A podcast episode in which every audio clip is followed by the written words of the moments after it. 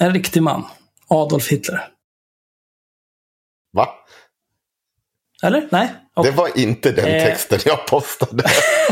det var jag verkligen inte.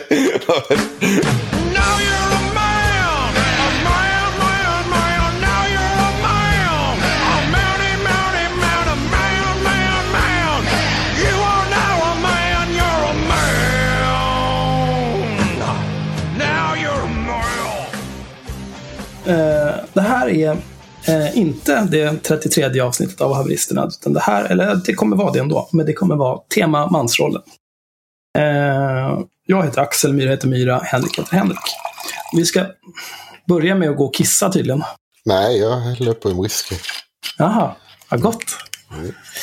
Eh, Vi ska börja med att eh, läsa två stycken ur en text av Åsa Bolmstedt som är publicerad eh, 2002 i eh, populärvetenskap eller någon, populärhistoria.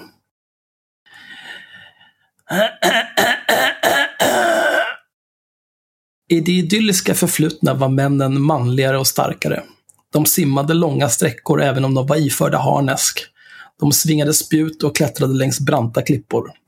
Men nu bortklemas de med lyx och bekvämligheter som gör dem veka och ömtåliga.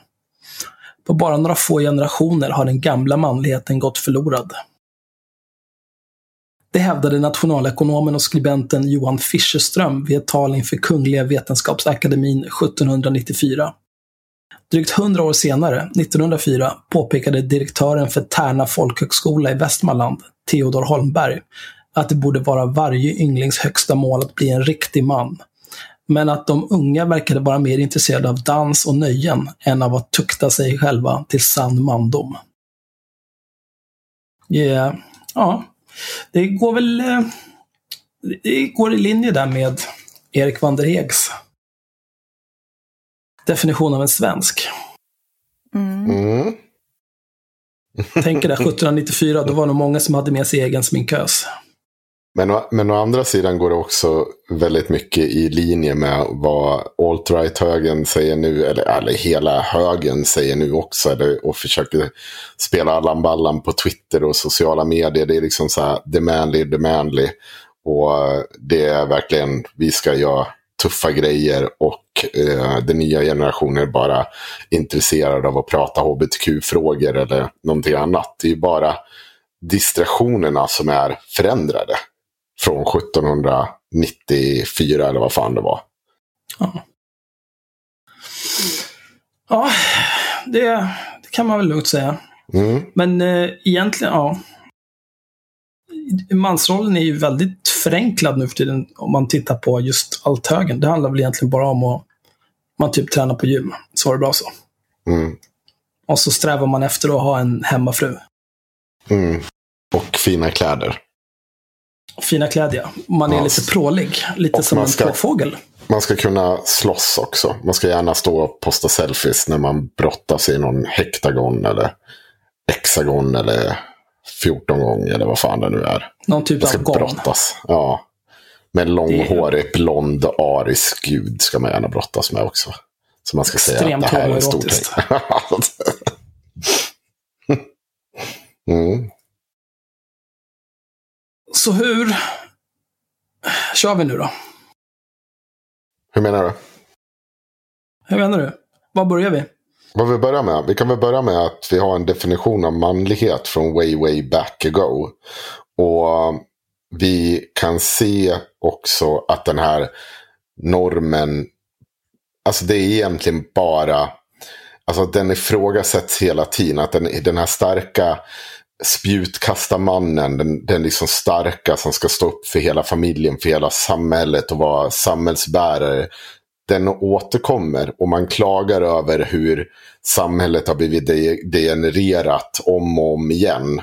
Fast det är bara olika tidsperioder, alltså att vi gnäller på ungdomen.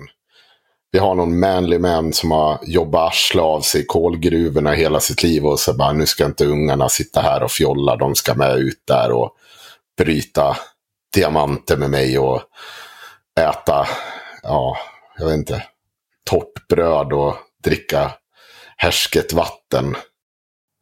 Allt annat är åt helvete. Så någonstans Ja, där kan man börja. rimligt. Hur ser den normen ut idag? Vi har pratat lite om det nyss. Vad, har, vad säger du Myra, du som utomstående? Om vad då? Hur normen för män ser ut idag? Mm. För, nej, jag har en fråga. Får jag ställa om frågan till Myra? Har, när du har träffat karar, hur har de... Har du någon gång uppfattat att de vill framställa sig som extra manliga? Och vad är det då de lägger liksom vikt vid? Alltså grejen med den största skillnaden skulle jag säga, Eh, om du tittar på hur mansrollen har sett ut eh, och hur den ser ut idag, är ju att man kanske lägger ehm, en värdering på snarare att du har eh, materiella tillgångar snarare än att det handlar om att du kan kasta spjut jättelångt och springa jättesnabbt och fälla en björn med bara framtänderna så kan du prata om att du har jävligt bra betalt och väldigt stor bil och så vidare. Eh, och det är väl liksom, sen har det ju, alltså det finns ju kvar den här generella macho, jävlar vad mycket sprit jag kan dricka och vad, vad stark jag är och sådär. Men jag skulle Åh, säga att Gud, vilken ångest jag får när du säger Gud, vilken stor bil. Jag vet ju när jag köpte min Volvo hur mycket jag hur mycket du pratar om det. runt. Ja, Ja. ja, ja, fortsätt. Förlåt. Men du har ju också lite uppenbara machoproblem liksom. Det här med, Ja, jag, det, om man köper en Volvo XC60, det, är det verkligen ett machoproblem? Jag tror det inte. Ja, men det är väl kanske inte ditt största machoproblem. Men jag tänker, du, du har ju även så här, du har ju även lite den här typ, ska hota folk på fyllan och liksom prata om att du minsann har varit skitduktig på kampsport och sånt där. Det är också så här manligt påfåglande. Jag pratar väl inte jättemycket om att jag varit duktig på kampsport. I Har du ens varit duktig på kampsport? Nej. Men det- vi har väl lite pratat om. Däremot så har du ju rätt. Vi har ju sett och haft ett avsnitt. Men till mitt försvar, om jag får försöka. Och... Ja, men alltså, det var inte en, du behöver ju inte försvara dig. Det här är ju bara, jag bara Jo, men- säger att, att det finns en återkommande, alltså det, det är inte så att eh, egentligen så ser ju, tycker jag, normen ser ju typ likadan ut, bara att man kanske har fört över. Förut var det väl så här, ja, jag har en jävligt fet ko hemma, liksom, fast nu har man en stor bil istället. Men för, ja, jag, jag har ett försvar till mig själv. Du har, för det, det är inte orimligt det du säger. Men det finns ju en grej att jag känner ingen stolthet efter jag har skällt ut Kawa Sofagari som jag pratade om för länge sedan. Och kanske har sagt att han borde ha en smäll. Mm. Det känner, jag känner ju inte stolthet eller att nu växte jag i era ögon. Att jag, det här, nu kommer de ha respekt. Utan då är det mer så här. Antingen har jag sån ångest. Mm. Eller som i vissa fall, som det här fallet, jag bara, ja, men nu är det så. Men i, du tror inte att det är alltså att, att du reagerar på det sättet liksom? Eh, typ där att din, när du ogillar någon så vill du slå dem på käften. Du tror inte att det är liksom en manlig, vad ska man säga? Jag bruk, brukar inte normalt vilja slå dem på käften nödvändigtvis bara för att jag ogillar någon. Utan det är någonting oförrätt har begått som är nog. Då kanske, Det låter som då, hederskultur tycker jag. Ja, det är mycket möjligt. Men De har jag tar det kränkt din som heder heders, liksom. Ja, men hellre hederskultur än mansnorm i det fallet. Ja, ja. Fast jag tänker att den här hederskulturen, hederskulturen eh, vad ska man säga, eh, reproduceras ju mestadels av män. Inte enbart såklart, men jag tänker att det är männen som liksom kvinnor gör också, man ska inte säga någonting om det. Jag tänker bara att det är en sån här grej som enforcas mest av män. För att det är de Ja, som har ja. heder. Det är, det här, nu är det tillbaka på Erik van Heg. Att, att man behandlar någon som en kvinna utan heder, eller vad det var. Det är Mm. män som har heder liksom, som ska försvaras. Det är därför män måste hålla på, det är därför män måste hålla på och snoppmäta och liksom sådana grejer. Bokstavligt och, lit- eh, bokstavligt och eh, bildligt talat. Men eh, jag vet inte, var det svar på... var en del kukmätning alltså. Ja, det då var det- mig inte. Det var mycket stå och titta på varandras snoppar i duschen. Men jag sen tänker att du och, förvån- Ax- du och Axel har nog lite olika erfarenheter av det där, tänker jag. Fördomsfullt, för att ni kommer från ganska olika Eh, Axel kommer från en storstad, du kommer från landet. Liksom. Så du menar att 15-åriga stockholmare inte har några kukmätartävlingar? Nej, vi är ju inte bögar, så vi håller inte på att titta på varandras kukar hela tiden. Ja, du ser. Ja, jag, jag, jag tror inte på det här. Jag tror att det är snarare ett 15-åringsfenomen än förorts. Nu var det inte så bokstavlig kukmätning, utan det var det här stå och kolla och sen skrika. Det här var ändå så väldigt märkligt, för att man skrek inte om den som hade liten snopp, utan man skrek om den som hade stor snopp. Det var ett jävla liv. Och sen gick man ut i omklädningsrummet och är du bög eller? Och liksom om helt andra triviala saker som liksom inte hade någon relevans. Men att vi står och skriker om varandra stora kukar, det, det, var, inte, det var inte homoerotiskt alls. Det är bara teambuilding. det där locker room talk är ju helt skevt. Ibland. Ja, men det där spiller ju över sen också när man... eh, Om man är på en arbetsplats och bara jobbar med andra män. Mm. Mm. Då liksom smyger sig det där samma snack in i vardagen. Och då blir det mycket kukar och pattar och... Och förändras över tiden och blir mycket så här. Jag har satt in det senaste värmeluftsystemet. Jag har bytt till det här elbolaget för att jag är så jävla smart. Och jag kan minsann en hel del om politik. Och jag är liksom Eller i- jag kan i... äta skitstark chili och jag svettas inte ens. Ah, just det.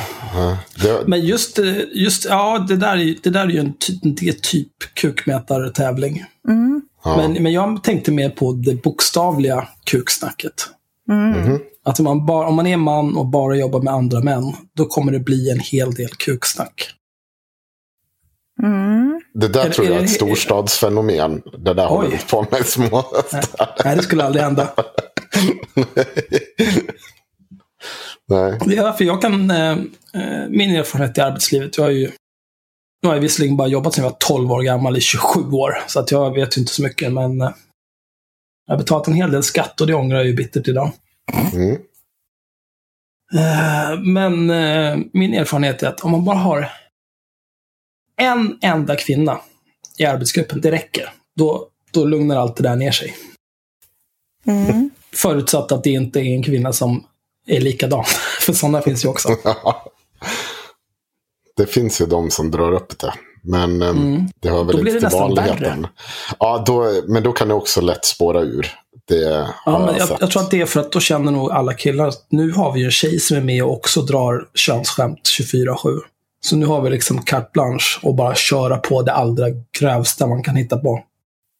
Men är det också någon sorts här hävdelsegrej? Eller är det, genuint, är det för att det genuint är roligt som man håller på så? Eller är det för att man liksom ska visa att man är tuffast? Mm, Ja, det är nog både och. Alltså det, blir, det, det är kul att prata om kön. Mm. Men sen så blir det väl mer, vem kan dra den königaste storyn? För det är det jag tänker, för att det är, liksom, det är ju roligt, men det finns ju mycket annat som är roligt att prata om också. Ja, jo, det finns det ju, men eh, alltså det är väl underförstått att när man eh, eh, typ drar könsskämt och sånt där. Det är ju, man är ju lite busig, för så får man ju egentligen inte säga i det här jävla landet längre. Mm. Det är väl den. Och sen så blir det någon typ av tävling om vem är busigast.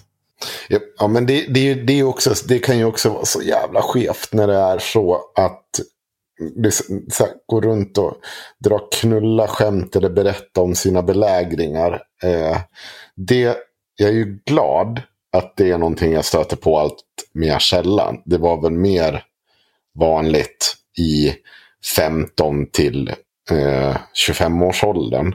Att det var mycket tal om sina conquerors. Men Men tror ni att det har förändrats? Det här blir ju svårt för oss att spekulera i egentligen, men tror ni att det är möjligt också att det faktiskt har förändrats för 15-åringar idag? Att det inte är i alla sammanhang lika mycket liksom skryta med... Alltså det är klart att det kommer att vara diskussioner om det för att det är en ny och häftig grej. Men eh, jag tänker att det kanske, att tonen kanske har blivit bättre även hos unga killar. jag, Just. Jag tror att det blir värre. jag, t- jag vågar inte svara. Det kom ju någon undersökning tror jag, som hade om att vi har mindre sex. Eh, unga har mindre sex. Och man förklarar det med att visst, unga super inte lika mycket som idag. Nej. Vilket är en vansinnig utveckling som jag aldrig hade kunnat förutspått själv för Nej, tio år ju, sedan. ja, men nu har ju folk datorspel, så de har inte det. Så Ja. Det största anledningen till att, att unga super är ju för att de har tråkigt. Ja, Mm. jo men, nej, men så, det är sant. Det, det, det är ju helt att kunna sitta hemma en lördag. Problemet är att vi som är äldre kombinerar de två sakerna. det är så jävla Ja, men det är vansinnigt. för att vi inte bor i mammas källare längre, liksom, så vi kan faktiskt dricka sprit och spela datorspel samtidigt. Ja. Det kunde man när jag var barn också. Ja. På LAN, ja. Mm. Ja, det fanns också biljardhallen på Ringvägen. De hade öppet till fem alla dagar. Och de hade ett litet så här, internetcafé undangömt. Var, så, då fick man ju röka inomhus också. Det var ju fan livet. Ja, det var faktiskt liv. När det var helg man kunde sitta bara, jag köper två paket gula Camel. Har en nota i baren, häller vodka tonic in i ansiktet, röker oavbrutet och bara spelar Counter-Strike i 3000 år. Det är fan fick inte var. ligga så mycket å andra sidan. Nej, men fan behöver ligga när man har Nej. Counter-Strike, Nej, cigg och sprit? Nej, jag, jag, jag, jag håller med dig. Nej, jag... Det är datorspelens fel. Jag vet inte, men det kanske är så. Man kanske pratar liksom vem som har, har bäst Fortnite. Eh, vem som är bäst på Fortnite istället för vem som har legat mest. Jag tror att det varierar nog väldigt mycket mellan eh, umgängeskretsar, precis som det alltid har gjort. Mm. Men eh, anledningen till att jag tror att det har blivit värre är för att eh, nu finns ju... Eh, jag tänker skylla på porr nu. Oj, du har gått på det För där. när jag alltså. var barn, då fanns det ingen porr. Nej, nej, precis. Det fanns skogsporr. Mm. Eh, men nu för tiden så har ju barn porr med sig i fickan hela tiden. Om de är intresserade av det. Ja, och fast å andra sidan så har de ju också med sig i fickan, liksom, du vet, andra Fortnite. saker. Som Mm. kanske får folk att, eh, att vara mer lyhörda för att inte vara svin. Jag vet inte. Alltså jag har ju hört skräckhistorien också om sådär 12-åringar som går runt och citerar porr. Men, men sånt fanns ju liksom då också. Alltså det fanns ju när jag Mm. gick på mellanstadiet så var det alltid någon kille som hade hittat någon porrtidning liksom och så gick man runt och var så här fnissade åt det och skulle recensera vem, vem, vilka tjejer i klassen som hade snyggast tuttar och sånt där. Alltså, menar, så, Ja, det är nog inga skillnader. nej, jag Men jag tänker mer att det... att de här eh, knullstoriesarna, som är, jag menar, 90 procent är bara på. Ja, Men jag tror att de kan ha, detaljerna i dem kan nog ha blivit grövre. mm. Ja jo, Eh, beroende på tillgång till porr. ja det är möjligt. För att liksom, eh, man var ju tvungen att, man var tvungen att på riktigt hitta på om man skulle dra en sån story när jag var 15. Mm. Man hade ju ingen aning. Jag var typ så här, ah, nej, men då, då, då blir det typ så här magmys. Mm. Ja, sen eh, jag la min pung på hennes knä. Wow, vilken grej. Jag Bara, "Ah, vad håller du på med?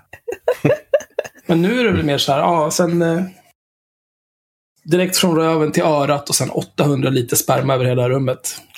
För att de har sett någon sån film där, där det är någon som har gjort det. Ja, men då blir det ju ganska uppenbart. Det här låter ju... Nej. Vad fan sitter du... Har du suttit och läst för jävla avskräde till sagt? Men det här är faktiskt, det här är faktiskt ganska gulligt. Jag läste en sån där historia om, eh, eh, det var någon tråd på Reddit om sådär, typ berätta om din första sexuella upplevelse och hur du gjorde bort dig. Eh, men då var det någon tjej där som berättade, typ hon hade träffat en kille och de hade, de hade haft sex. Eh, och han hade alltid så här, eh, typ, han hade alltid typ dragit ut kuken och kommit på hennes typ rygg eller mage eller någonting. Men, och det var inte för att, det var inte för att han liksom inte hade, så här, visste om han hade preventivmedel eller så. Det var bara för att han trodde att man skulle göra så. För att i porrfilm så, så kommer de ju alltid på folks ansikten och sånt där konstigt. Så han trodde liksom att det skulle vara så. Så när de hade varit ihop i några månader och han hade liksom gjort sådär och hon bara, ja det är väl hans grej. Och sen så hade hon frågat vid något tillfälle och då visade det sig att han var ju bara nervös för att göra fel. Han- Liksom. Han visste bara inte vad han höll på med. Nej, det var jättegulligt. Det var en ganska, det var en ganska wholesome historia för att det här var ju någon som förmodligen bara- Väldigt hållsam porrhistoria. Eh, men jag tänker att- att... Ja, förlåt. Fortsätt. Nej, men jag tänker att jag tror liksom att sånt är vanligare än ni vet de här skräckhistorierna. Vi ska inte gå in på det sidospåret, men jag tänker de här skräckhistorierna om porr, att alla tycker att det är normalt att man ska liksom, jag vet inte, ha så här, spöa varann och, och liksom ja, det ska vara bajs överallt och man ska komma 50 liter. Alltså jag vet inte, jag tror att de här, jag tror att de wholesome historierna där folk bara så här, oj, det här är jättekonstigt. Eh, men jag försöker ändå. Jag tror liksom att, jag vet inte, jag, har, jag, jag tror liksom att det blir mer, mer fjantigt än någonting annat. Vi spekulerar och vi kommer lite ifrån mansrollsgrejen. Men tror ni sex och samlevnad spelar samma roll i mansgrejen idag som det gjorde när vi växer upp på eh, vi säger 2000-talet, början på 2000-talet. För att nu försöker, Axel är ju ändå så 40 här. Så Jag var 37 plus. år gammal 2001. Så du kan tona ner det där. Vad sa du för något? 37 år gammal? 2001 var jag 37 år gammal. Så det där... Jag växte upp på 1500-talet. Ja, du är ju 40 plus, eller hur? Ja. Ja. Och när jag växte upp, mer än 40 då, plus. då vaknade man fyra på morgonen, tog på sig sitt harnesk. Och så tog man spjut i hand och så simmade man 30 mil till skolan. Så var inget mer med det. Det var inget att gnälla över. Det Lite oklart varför du hade spjut med det, va? För att döda björnar såklart. Vad fan tror du? Ja, förlåt. Mm. Det är klart. Det är sant. Men eh, du menar alltså om du tror, alltså om, om sex och samlag, alltså att, att, att det är mindre prestige i sex? Eller vad, hur tänkte du? Sex och samlevnad, ja, alltså så här, för det Du var tänkte ju... inte skolämnet, eller? För, ja, nej, nej, nej, utan det var faktiskt en del. Det, det kände jag också mycket press på mig. Att det var en del i liksom, min uppväxt manlighet. Att jag skulle ligga med någon. Det, det, Ja, ja, men det, var, är uppenbart, alltså titta på incels. Jag tycker att det är uppenbart att det fortfarande är en jävligt stor grej. Annars Jo, men- skulle inte incels vara en grej. Liksom. det, är ju, det är ju extremerna. Det, och du kan ju säkert hitta incels fast det hette inte så 2000. Men, men tror ni att i den breda massan, vi måste ju prata bredare. Vi, vi ser att sexet går ner. Det är mindre sex bland unga. Är det, tror ni att det är samma betydelse idag för ens Ja, manlighet? Eller är det det senaste gearet i Fortnite och Destiny Men alltså jag- 2? Jag, jag, tror, jag tror att det är både och. Alltså det, jag tror att det här med att, att sex, att ha haft sex eller inte är ju eh, en så tydlig vuxenmarkör. Liksom. Um, så det kommer ju vara press på det på samma sätt som det har varit press på att man ska kanske dricka eller rök, tjuvröka. Alltså det finns ett, en grupptrycksgrej i det som att man ska visa liksom hur vuxen man är. Um, så det, den tror jag den tror jag är liksom oberoende av hur mycket, hur bra gear man har i Destiny. Ehm, men ju- det är svårt så- att säga. Jag har så svårt, för, för mig tror jag, jag tror ju att, om vi, det var ju också en del i manlighetsnormen på något, fast det var ju också eh, ungdoms, eh, det måste ju vara bredare än så. Men okej, det var ju någonting man dunkar på varandra med sprit, men det var ju förmodligen för kvinnor också. Men om jag går ut, det, det är så sinnessjukt, när jag går ut på karnevalen i Avesta idag, som är vår minifestival här i två dagar, med så här, eh, marknadsstånd och billiga tänder och dålig falafel och så vidare. När jag gick ut på det när jag var 16-17, alltså alla var kalaskanon. Mm. När jag går ut på det idag, när jag ska fylla 37, så är liksom ungdomarna spiknyktra i den åldern. Men tror du inte också att det är att, att jag menar, de ungdomar som blir kvar i småstäder, eh, alltså att jag tänker att, att människor som har ett sug efter liksom att, att vara ute och göra grejer, att man, det finns en utflyttning på ett helt annat Nej, sätt. men, nej, nej, nej, nej, nej, nej, men det är helt orimligt för att de är inte ens myndiga. De är liksom inte ens, alltså gymnasiet är det ju fortfarande, liksom, de flesta går ju på gymnasiet i Avesta. Men alltså själva alk- alkoholkulturen har ju förändrats något fruktansvärt mellan 15 och 18. Alltså den åldersgruppen i Avesta. Det är inte samma superi. Alltså vi hade ju allt för, det här känner ju säkert många igen, så här Lucia-natten och sånt, då var man ju också kalas. Eh, när vi kom till, eh, jag var en av två personer som dök upp i skolan eh, efter Lucia. Jag var smått berusad. Nej, ett- egentligen vi var fyra, men två stycken hade somnat på några stolar utanför ett café och var packade. Så de fick de köra hem. De, jag kom till liksom lektion och satt där och spelade. Nej, jag är med i matchen. Men jag tror inte att det ser ut så idag. Eller jag vet att det inte ser ut så idag. Man har ju lyckats förändra det där. Men jag är inte så jävla säker på att det är säkert en massa kommuner där ute som slår sig för bröstet och säger att det här var vår förtjänst. Men jag tror inte det. det är, jag tror ju mer på att det är tv-spel och hela den jävla schabbelbraket som har förändrat det hela. Jag tror att det är andra saker som man inte har kunnat förutspå. Man har kunnat gjort hur många sådana jävla nykterhetsprogram som helst. Men det var, det var tv-spelsvärlden och allt sånt som i grunden skakade om det. Det gjorde att Ja, folk det- kunde sitta hemma. alltså, Det har ju alltid sagts liksom att eh, ja, men vi, vi har en ungdomsgård, så om ungdomar har någonting annat att göra så kommer de supa mindre. Och det är ju egentligen det som är poängen. Att nu finns det någonting annat. Sen har man ju drivit Ja, jättemycket med det där ungdomsgårdsgrejen. Men eh, alltså, egentligen så handlar det ju om grunden att man har andra hobbys. Mm. Kidsen växer ifrån och spelar rundpingis. Men Fortnite, det går bra. Nu, Men det här nu- är ju nu- inte riktigt mansrollsnack heller.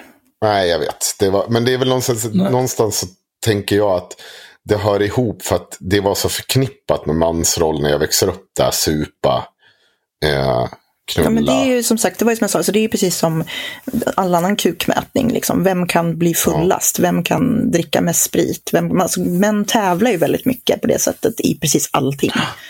Alltså, vet du vad jag skulle göra någon gång innan, innan det här? Jag skulle bara säga det här bonga en folköl och se om jag kan bli full på det än. Alltså köpa ett sexa Inte pack chans. tre femmer och så bara skära ur det hål ur en, halv, en och en halv liter flaska. Hälla i den där jävla folkölen där och så bara sänka tre, fyra på rad. Sen var man ju tvungen att ta ett uppehåll för magen var ju som en, ja, en jävla kula. Men man blev full. Men va- varför Kul gör att du, du på kan, väg in i en 40-årskris. du, varför gör du det? Nu kan du ju köpa starköl, så varför skulle du bonga folköl? Jag vill bara testa om det funkar. Det var det dummaste jag har hört. Okej. Jag förbjuder dig, Henrik. Ja. Du är för gammal för att hålla på sådär.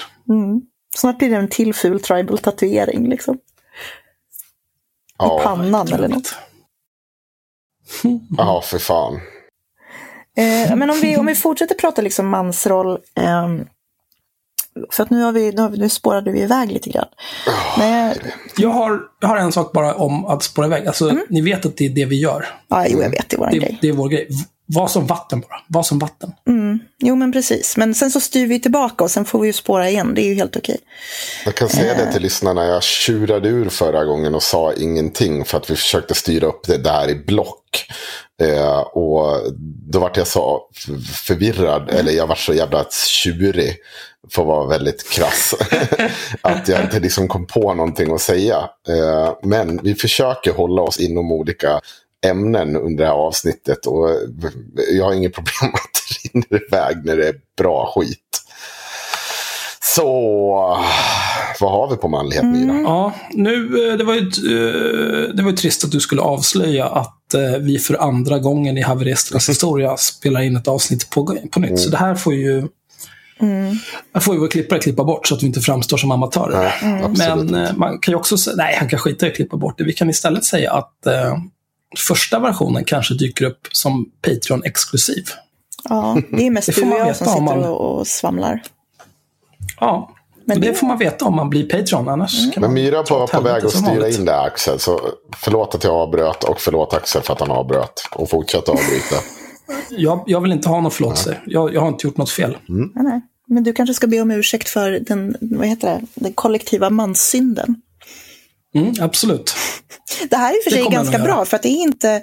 Imorgon är ju faktiskt internationella mansdagen, slog det mig nu. Är det 19? Ja, så det här är ju alldeles, det här är alldeles klockren eh, planering av oss. Nej, men vet ni vad? Då Ah. kommer imorgon, då kommer det vara alla de här. Först kommer alla de här, de här som, som kukar ur på kvinnodagen. Som vill ha mansdag, som inte vet att det finns. De kommer, de kommer ju balla ur imorgon. Nej, men de, nej, men de skickar ju den 8 mars när det är internationella Mm. kvinnodagen, för de vet ju inte att det finns en mansdag, så de kommer ju vara helt tysta imorgon. Okej, men, men De är det kommer komma några som är så här riktigt spåra ur på det här. Nu är det vår dag. Sen kommer framförallt alla de här roliga feministerna kommer ha jättemånga roliga skämt på att det är mansdagen. Ni får Det ni är som också toalettens dag. Okej. imorgon. Det är också ett roligt. Vattenklosetten. Problemet är inte det. Problemet är att det börjar bli så jävla repetitivt. Och att vi känner igen det här. Vi har sett det här. Sitt inte på eh, kvinnodagen. Men jag ser aldrig det finns- någon- Så jag ser det varje år.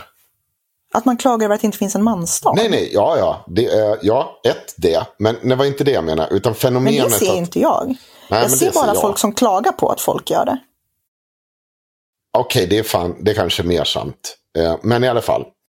Det, det kommer också komma de här dåliga skämten om, nu har ni en dag tillägnad till er, precis som alla andra dagar utom bla bla bla. Och så kommer de komma och så kommer det köra ett varv och så bla bla bla. Massa jävla gnäll. Ja. En massa gnäll man har hört förut. Ja.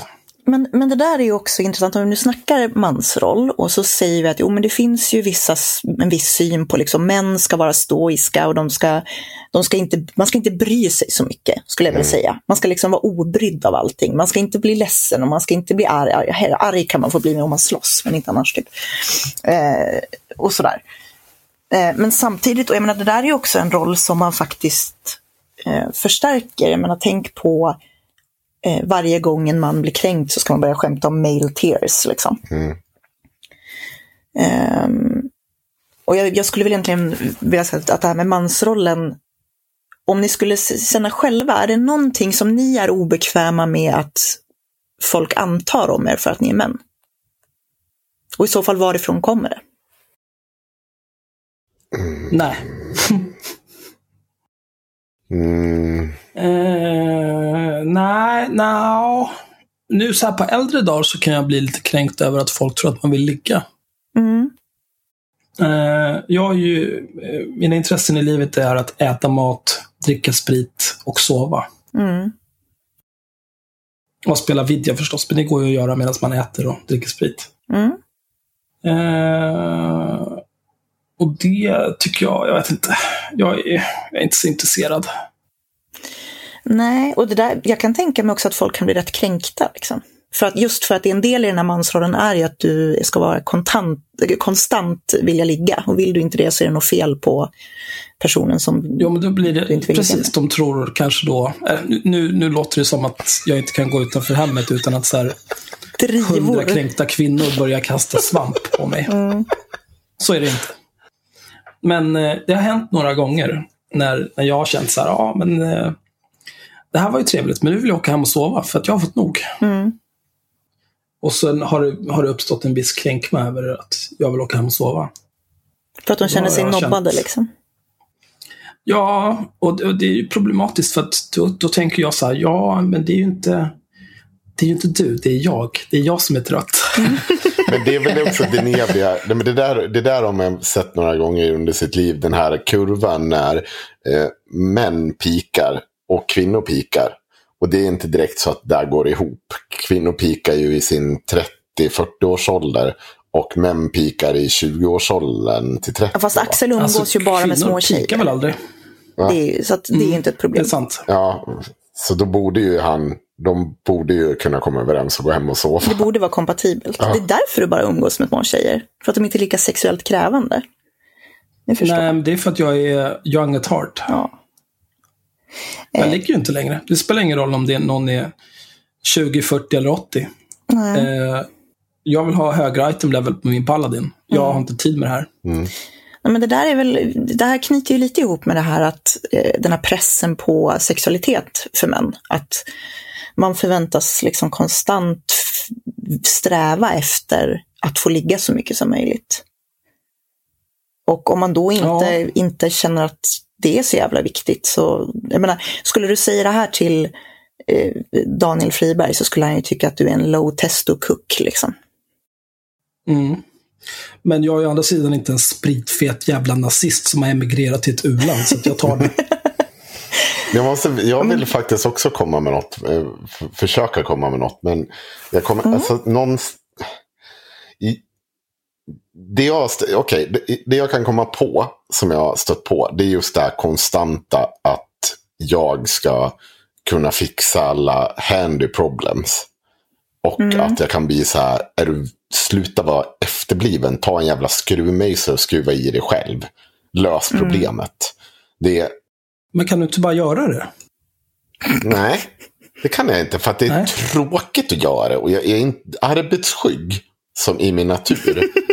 Det är liksom så här, kan Ja, du okej. sluta? Du får gå och skruva själv om du vill det. Det är jättetråkigt. Jag kan förstå de här som, jag är ändå så, har elektrikerbakgrund. Och alla som lyssnar på det här som känner igen mig från min elektrikerbakgrund vet att jag är helt värdelös som elektriker. Eh, och Du är att inte så händig. alltså, du är ju inte, du är inte så händig generellt. Egentligen. Alltså det är inte kritik. Det är Jag bara, jag, jag har bara fått intrycket av att du inte är, eller så här, intrycket Åh. som jag har fått är att du inte är så, du har lite så här tummen mitt i handen. Men om vi tar Nej. det på en skala då. Nej, det har jag inte. Eh, där vi tar, vi säger eh, mest händig är Ernst Kirchsteiger. Mm, Medium händig är typ Eger Wander, Erik Wanderheg. mm. Och eh, minst händig är Valfri kvinna. Var någonstans? Nej, men då är jag mellan Ernst Kirchsteiger och... Nej, men så, så, nej, vet du, så här. Eh, jag har upptäckt det sen jag skaffade hus. Att jag faktiskt har blivit mer så här noggrann med vad jag gör. Och i och med min noggrannhet där så har någonting växt fram. Det att jag kanske är lite mer händig än vad jag själv har framställt mig som. Eller engagerat mig som. Alltså jag har blivit mer händig av att behöva, det här är mitt, jag måste göra någonting bra av det. nu kostar det skitmycket pengar om du gör fel. Ja, lite så. Och sen liksom så här, titta på saker, mäta en, en, en gång extra. Och då har jag insett att jag, jag kan ju. Så, så här, till och med med el och sånt har jag märkt att fan, jag kommer ihåg en del ändå. Uh, jag kan ju det här. Hur länge sedan är det du jobbar som Ja, elektriker? men alltså, det är två olika saker. Jag jobbar som industrielektriker. Man kan inte, det är inte fin eh, elektriker som drar kabel hemma. Där slår Men det är ändå hundra år sedan. Ja, det är ju... Nej, jag slutade 2000, är det 2013 tror jag på bruket. Det är fem det är år sedan. hundra år sedan. Ja. Men i alla fall, Det är hundra år sedan. Jag var inte en bra elektriker. Jag har aldrig hävdat det inför någon som har kommit och varit, ska vara så här stöddig sen de, jag slutade. För de vill ju gärna göra det, för de gillar mig ju inte för det jag skriver. Så vill de gärna påpeka hur dålig elektriker jag var. Så bara, ja, du är helt rätt. Då, Fan, där, dör, där dör liksom diskussionen. så, Ja, men, alltså det är, men inte det här, jag tänker också... ehm, det är också jag, en manlighetssak. Ja, precis. Och jag tänker det här att, eh, att du upplever att du tvingas in i det där, är inte det lite grann som ehm, eh, så vissa män som har satt i system att så här, ah, men det, ja, men det är bättre att du diskar älskling för att det blir inte lika bra när jag gör det. Liksom. Eller ja, men jag, man, typ, man lägger en röd socka med vittvätten en gång så att man slipper tvätta fler gånger och sånt där. Att man fejkar någon typ av inkompetens för att Ja. slippa. Ja, men precis. Ja, men det blir mycket bättre om du tvättar fönstren. Jag är så dålig på det där liksom. Och så kommer man undan. Men är det är inte det bara vanlig slöhet liksom? Och Jo, jo, men jag tänker att det kanske är vanligare att, att, eh, att kvinnor gör det generellt när det kommer till händiga saker. Att man bara säger, ah, men jag kan inte det här, och så släpper man det bara på någon som har kuk. Ja, det, jag, jag tror på det. Jag kan bara tala, när jag, när jag talar för mig själv så vet jag att det är... Det här, jag har använt det vid, en, en sak, liksom alone, som jag inte försökt bättra på. Och det är min, mina matlagningsskills. Eh, Och det är för att jag hatar matlagning egentligen. Alltså det är så jävla roligt att laga mat. Jag älskar det. Alltså jag är är- avundsjuk på er som kan, men, men jag är verkligen inte bra på det. Jag kan tacos, jag kan spagetti och köttfärssås, jag kan göra väldigt bra hamburgare tydligen. Det åt jag igår och fy fan vad gott det var. Kommer du ihåg eh, senast jag lagade mat till Ja. dig Henrik och du var helt lyrisk över hur gott det var? Det var gott. Och frågade varför det var så gott. Kommer du ihåg vad jag sa hemligheten var? Grädde, smör. Ja, fett. Mm. Är det inte tillräckligt gott, ha i mer fett. Och mer chili. fan. Jag måste bara ta det för alla. Det här har ingenting som helst med manlighet. Men, men när vi satt, sitter hemma hos Nachmans och de gör den här pasta alfredon. Uh, alltså, det, den mängden smör karln tillsätter sina hackade champinjoner. Som för övrigt tog fan en timme för honom att hacka upp. Fast han hade en sån här jävla rutgrej att hacka upp de där jävlarna med. Så bara satt och slog på en gång i minuten. Och var tvungen att ha långa utlägg däremellan. Alltså det var så jävla gott. Men fy fan vad fett det var. Det är samma sak. Mm. Gott, fett. Fett, gott. Jag har ju, så här, jag har ju blivit rädd för att äta fett i och med att jag har haft så mycket gallstensanfall och grejer. Och jag kan säga att potentialen för att få ett gallstensanfall, det är så när du har haft det nyligen, då undviker du fett som synden. Det är så här, mm, jag ska nog inte äta den här hamburgaren, eller jag ska nog inte äta, jag har typ slutat äta pommes frites helt, för att jag har insett att jag får gallstensanfall när jag äter dem. Eh, men, men sen så när man inte haft typ ett gallstensanfall på ett par veckor, då är man så här, ja men det, det är nog värt ändå. Liksom. Det är nog värt att äta den här hemmagjorda chokladmoussen som jag har gjort, som är typ bara grädde och choklad. Och sen får man ett gallstensanfall och så hatar man sig själv. Ska inte du operera bort den där gallan snart? Jo, men jag måste ju boka en läkartid då. Jo, precis. är Och det är det. Du får ju för fan ta se till och boka den där jävla... Alltså så här. Du, du, åh gud. Se till den där karln du har hemma. Du har ett Mm. jobb från och med nu och en månad framöver. Se till att jag bokar en tid för att få bort den här jävla gallan. Nu är det slut. Nu det slut diskutera. Nu, ingenting annat. Och så, Först, du först ska du micromanagera podden, Ja. nu ska du micromanagera min, mina läkarbesök Ja. också. Men, men Det här åh gud, åh gud. Hur många gånger har inte du mått skit av det här? Är det här svårt att bara... Nej, okej. Ja, men, det är jättesvårt. nej, okej, men då går jag tillbaka till ämnet. Vad var vi? Okej. Eh, jo, men i, vi pratade ju om så här, man blir påtvingad, eh, alltså olika, jag tänker så här, Axel, du är ganska bra på att, eh, så här, min, min, alltså min helt subjektiva uppfattning är att Axel, du är lite mer obrydd om vad folk, eh, alltså Henrik är också ganska obrydd om vad folk tycker, men just när det gäller manlighet så tror jag att Axel är mer obrydd. Eh, ja, men det där har ju flera olika... Eh, flera olika anledningar. Dels jag skiter ju i vad... Framförallt är det främlingar som glafsar, särskilt på internet. För, ja, för, Jag är jag, ju helt- jag måste helt- bara tillägga så här. Jag, jag är ja. mer brydd Man får inte ens än börja Axel. prata. Inte just om manlighet, det tror jag att vi är lika obrydda. Men jag är nog mer brydd om bara liksom vad folk tycker om det. Men att det skulle utgå från Mm. manlighetssak, det skiter jag det, det får fan vara. Ja, ja, men det är väl Ja. det här med heder, återigen, heder. och respekt. Men det, det där är ju, tycker jag, är mer en fråga om att vara vuxen. Eh, men, och, och nu kom- kommer det återigen låta som att jag kanske skryter lite grann, men jag skulle säga att min, mitt förhållningssätt till ja, till exempel att eh, Friberg och company tycker att jag är någon typ av bög. Det är så här, ja, Ja, det har ju faktiskt Okej, inte stört jag- någon av er. Det ska jag ge er. Nej, men för att jag, dels så jag skiter i vad de tycker, för de är ju de största jävla förlorarna på jorden. Mm. Men sen är det också så här att man, jag, jag tycker att det handlar om att vara vuxen. Men att man är liksom, eh, man är någorlunda trygg i sig själv, man vet vem man är och man vet vad man är about. Liksom. Och, och sen handlar det också om att, eh, eh, även om jag säger bög då och då, så jag, har, jag, jag skulle lika gärna kunna vara vad jag skulle inte bry mig mindre. Eh, vill du ställa dig Alltså, du- bredvid du- mig och suga 13 kukar, gör det. Jag skiter i det, för jag tycker inte att det är ett problem att folk är bögar, så jag har svårt att, att ta åt mig om någon använder det som en förolämpning mot mig. Du är eller- ju redan i princip gift med en man. Så att Ja, jag förstår bara- att det inte är ett problem. Vi är båda för gamla för att knulla, så att det är perfekt. Ja, men det är väl den bästa sortens förhållande. Liksom. Mm. Här, han, han köper lite soffkuddar så att det är mysigt hemma. Du lagar mat Ja. och så stänger ni inne på varsitt rum sen. Ja, så var det bara så. Ja. Så är det tyst. Ja.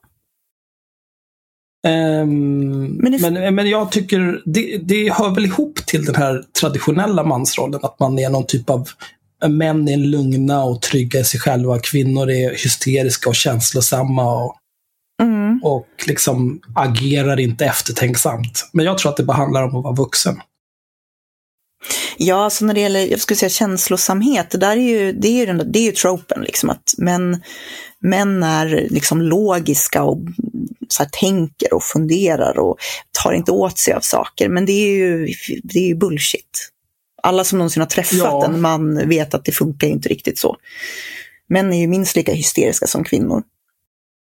Alltså om inte mer. Det är ju bara att kolla liksom. Ja, mer neurotiska Eh, alla, kanske. alla, nej men liksom om man tittar bara på våld i samhället. Mm. Då är det ju någon som tycker att någon kanske tittar bögigt på en i krogkön och då jävlar är det dags att börja veva. Det är, ganska känslosamt alltså. Ja. Jo, men Det är eller... inte mycket tanke som har gått in i det där.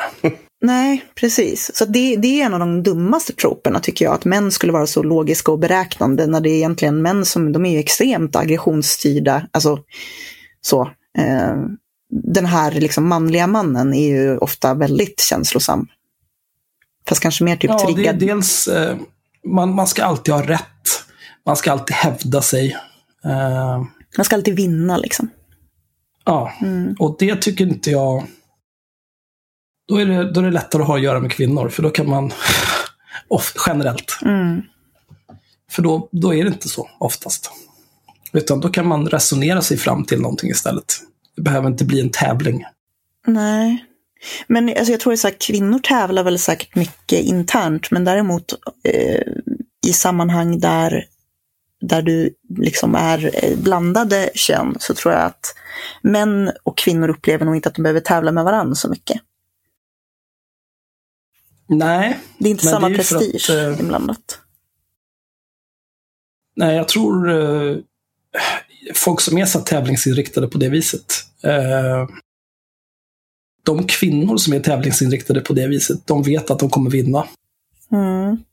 Eh, och de män som är tävlingsinriktade på det viset, de har inte, vad ska man säga, insikten att begripa att även kvinnor kan, kan krossa dem i röven. Mm.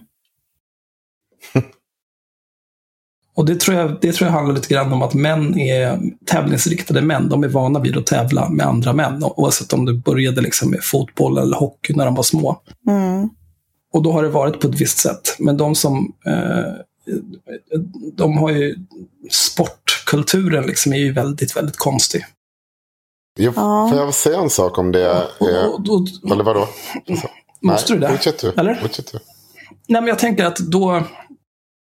Eh, sport är ju väldigt mycket eh, manliga män som även i vuxen ålder står och tittar på varandras stora kukar i duschen. Mm. Och då om de sen kanske i, i arbetslivet kommer ut och sen inser att nu tävlar man med kvinnor också, då kan man inte kanske ha lite svårare att hantera det för att det är man är tvungen att förhålla sig till kvinnor på ett annat sätt. Det är andra spelregler liksom. Ja, Jag eh, du kan, du kan inte vara fysiskt aggressiv liksom. Mm. Jag tänkte på det. eh, det var en... eh, det här med fotbollsskalan. Förutom att fotbollsskalan är det mest eh, awkward gala som sänds på tv någonsin. Så um, händer det ändå, ändå så några intressanta saker där. Eh, Nila Fischer tror jag hon heter va? Nila. Frågar du mig om sportbollsnamn? Kan Ah. Fischer. Nilla Fischer. Ja, precis. Eh, hon eh, höll ett brandtal om feminism. Och så var ju någon från landslaget tvungen att gå ut och säga att ja, men det här blir ju inget bra. Det här är orättvist. Granqvist var det för övrigt. Mhm. Eh, det är orättvist. Det känns som att man drar alla över kam. Vi har gjort det vi kan, men ändå får vi skit, säger Granen som berättar om herrarna sänkt sin ersättning till förmån för damerna. Och det känns ju som... Alltså så här, de, media vill ju... Nila Fischer går ut och håller ett brandtal om att kvinnor tjänar mindre inom sporten, inom fotboll och så eh, vidare och så vidare. Und so weiter, und so weiter. Eh, och... um, Men det är ju för att de drar in mindre pengar för det är färre som vill kolla på, på damfotboll. Ja, eh, jag tänker... Alltså jag säger, det är ju konstigt i sig, men jag, men jag menar det är ganska logiskt att, att du kan få ut mer lön Fast det, om du det här är. VM-sammanhang. Eh, och det Mm, finns ja. eh, en poäng i att det inte är, ska vara olika då. För du går inte in som Zlatan Ibrahimovic som spelar i en jävla toppelitlag. Utan där gör är det lite lika lön för lika arbete. Så att säga som styr. Eh, ingen koll. Damlandslaget är väl bättre än herrlandslaget. Ja, sk- skit är samma i, i den frågan. Men eh, det är ju sant att eh, svenska eh, fotbollslandslag har gjort det. Eh, herrlandslaget. Och jag tycker bara att det är så, så bara. Media ville ha den här konflikten. Kunde du inte se det? Ditt pucko. Jag tror inte att Granqvist var den största liksom, boven. Att nej, nu är det lite orättvist och det gå ut och försvara sig. Och, så, men, men alltså, så här, det är inte, jag tror inte Nilla Fischer heller tänker så. Om eh, herrlandslaget har gått med på att sänka sin lön till förmån. Då tror jag inte att det är er hon riktar sig. Utan det är fenomenet att kvinnor hela tiden åsidosätts. Utan var inte så jävla dum nu. Du behöver inte känna dig kränkt över det. Utan ta fighten för dem. Och sen när hon står och skäller över allting annat och all dess jävelskap. Bara ta det lugnt. Du kommer vinna. Ta inte åt dig om du inte känner att du är en del av problemet. Ja. Men det är väl lite den här inte alla män... eh, Ja, Alltså om man nu står och pratar om så här, det är förjävligt att det finns en våldtäktskultur som gör att män tycker att de ska liksom få tafsa på kvinnor hur de vill. Om man då inte känner att man bidrar till det här, om man nu säger ifrån om man ser att någon man på krogen beter sig illa, om man aldrig själv liksom håller på att tafsa på folk, då behöver man kanske inte ta åt sig, för då vet man att man är inte en del av, av det problemet. Nej. men Nej. Men det där har vi ju riktiga mejl till Ja. oss. Alltså, Mm, att man ska behöva försvara sig för någonting man inte har gjort. mm, Hans, det han borde ha gjort är väl istället att bara instämma. mm. För det är ju fortfarande fucked liksom. Ja, ja, du kan ju fortfarande ta upp det. hörni, nu har vi sagt väldigt mycket bra saker. Tycker du det? Ja, jag tycker jag. Absolut. Eh, och eh, jag tänkte gå över till att eh, vi pratar lite om de som ska rädda vår manlighet. Och det tycker jag är intressant. För det finns ju lite olika läger och lite olika tankar kring hur det ska fungera. Myra, eh, du har ju du, lagt upp den här eh, om eh, jag åkte till mansläger för att hitta min inre fallos. Mm. Kan inte du hitta ett stycke ur den som du vill läsa upp just om det här mansläge med Alexander Bard och det, hela det här? Mm. Jag röstar på att du läser från Ja. början och sen en bit framåt. Början är mycket bra. Precis. Eh, det här är alltså en artikel som eh, Jonathan Loxdal har skrivit åt KIT. Där han har åkt på Alexander Bards mansläger i Molkom. För att hitta sin inre kar då. eh, så här går den. Den stora träkuken pekar snett uppåt från totempålen. Runt pålen vakar vi, nästan hundra män, med blickarna riktade mot centrum. En aura av fallos sprider sig i Värmlandsluften. Ah, he, e. Någon tar ton i en ordlös sång. Jag vägrar att sjunga. Eh, jag stämmer in, snart gör alla det. Jag blundar och omfamnas av det manliga ljudet. Vi ska ladda Polen med kraft för de män som passerar den i framtiden. Jag tänker att vi är någon sorts stenåldersstam. I själva verket är vi moderna män med smartphone strax intill skogen men bara två kilometer från busshållplatsen i centrala Molkom. Så vad fan gör jag här egentligen? Ja, just nu är jag en av deltagarna i 2017 års största mansläger, där jag ska undersöka min egen manlighet. Ur allt detta ska en ny mansrörelse sedan födas. Vart ska den leda? Det ska snart visa sig. Sen kommer vi in då att han, eh, Alexander Bard, eh, Nordic Men's Gathering heter det här. Mm. Och Alexander Bard kommer då in och ska inledningstala. Och då pratar han om det här med manlighet i kris som jag faktiskt tänkte fråga lite grann om sen. Eh, han pratade om att 60 procent av alla som tar examen idag är kvinnor. Eh, kvinnor är sociala och bygger nätverk, men männen, förutom de som sitter i toppen, halkar efter. Och förut så skickades de in i fabriker eller armén, men nu vet de inte längre vad de vill och det är ett problem för att män behöver ett syfte. Och samtidigt så beskylls de då av samhället av en massa ondska. Allt detta leder till en osäkerhet bland männen och ja, vad gör de då? Tar livet av sig kanske? Sitter och spelar datorspel hela dagarna? Eller, säger Bard, går med i en högerextrem rörelse, vilket är trenden de senaste tio åren. Eh, Mm. Där finns det alltså en, eh, ett man manifesto. Vänta, vänta Mira, Mira får jag bara säga det. Kommer ni ihåg det här inledningstalet här när män eh, var tydligen ute efter att roa sig och dansa disco eller vad fan det nu var. Nu är vi tydligen, nu har det, nu har det gått åt helvete för nu går vi med i högerextrema rörelser. Ja. Nej, men det, Ja. De tycker att det finns en brist på starka manliga förebilder. Man känner sig försvagad och utan syfte. Eh, när du parar ihop detta med det giftiga narrativet om manlig sexualitet och aggressivitet intar många män oavsiktligt extrema positioner. Jag tycker, eh, jag tycker, dels tycker jag att det här låter som en jävla sekt och helt jävla sinnessjukt. Eh, jag, jag skulle hellre dö än åka på det här. Sen tycker jag också att det fråntar män som kollektiv all agens. För liksom, det kan inte vara så att, eh, att man liksom måste hålla män i handen för att de ska, när de har gått ut gymnasiet eller whatever. Så att, ta dig samman, skaffa ett jobb. Men för jag tänkte faktiskt fråga om det. Är det, manligheten... det, är helt, det är helt orimligt. För det här är ju ett återkommande, alltså, återkommande narrativ, både från den här rörelsen då, men också från visst eh, annat håll. Liksom. Att, att manligheten är i kris därför att man har tappat, vi har inte fabriker längre, kvinnor klarar sig bättre i skolan, så män halkar efter och så bor man på glesbygden där det inte finns jobb och så flyttar alla kvinnor därifrån. Och så sitter man ändå, det här är ju faktiskt någonting som händer. Eh, Ja, men tvätta din penis. Det, det är ju inte svårare än så. Ta lite ansvar. Vad, vad ska man ha? Som man pratar om, det saknas förebilder. Det finns väl hur många förebilder som helst. Alla. är Av, jag, kan, jag kan, skulle lätt kunna räkna upp tio personer är bättre förebilder än Alexander Bard. Framförallt så tycker jag, om jag får säga vad jag tycker, så är det väl så här, ja men det här är ju någonting som kvinnor var i den här sitsen. Kvinnor hade ju ingen, eh, menar, det fanns ju, kvinnorollen var ju du ska gifta dig, föda barn och så ska du vara hemma och ta hand om hemmet. När kvinnor började gå ut i arbetslivet, då var de ju exakt i den här situationen. Det var män som var högutbildade, kvinnor hade inte samma utbildning, inte samma förebilder. Så det här är ju, det är ju inte en ny, ett, ett nytt dilemma för mänskligheten, men kanske för manligheten. Ja, det är det nog absolut. Och, eh, om man bara ska titta på det rent statistiskt så, alltså lite övervikt till kvinnors favör. Det behöver ju inte nödvändigtvis vara ett problem om man tittar på vilka som tar examen och sådär.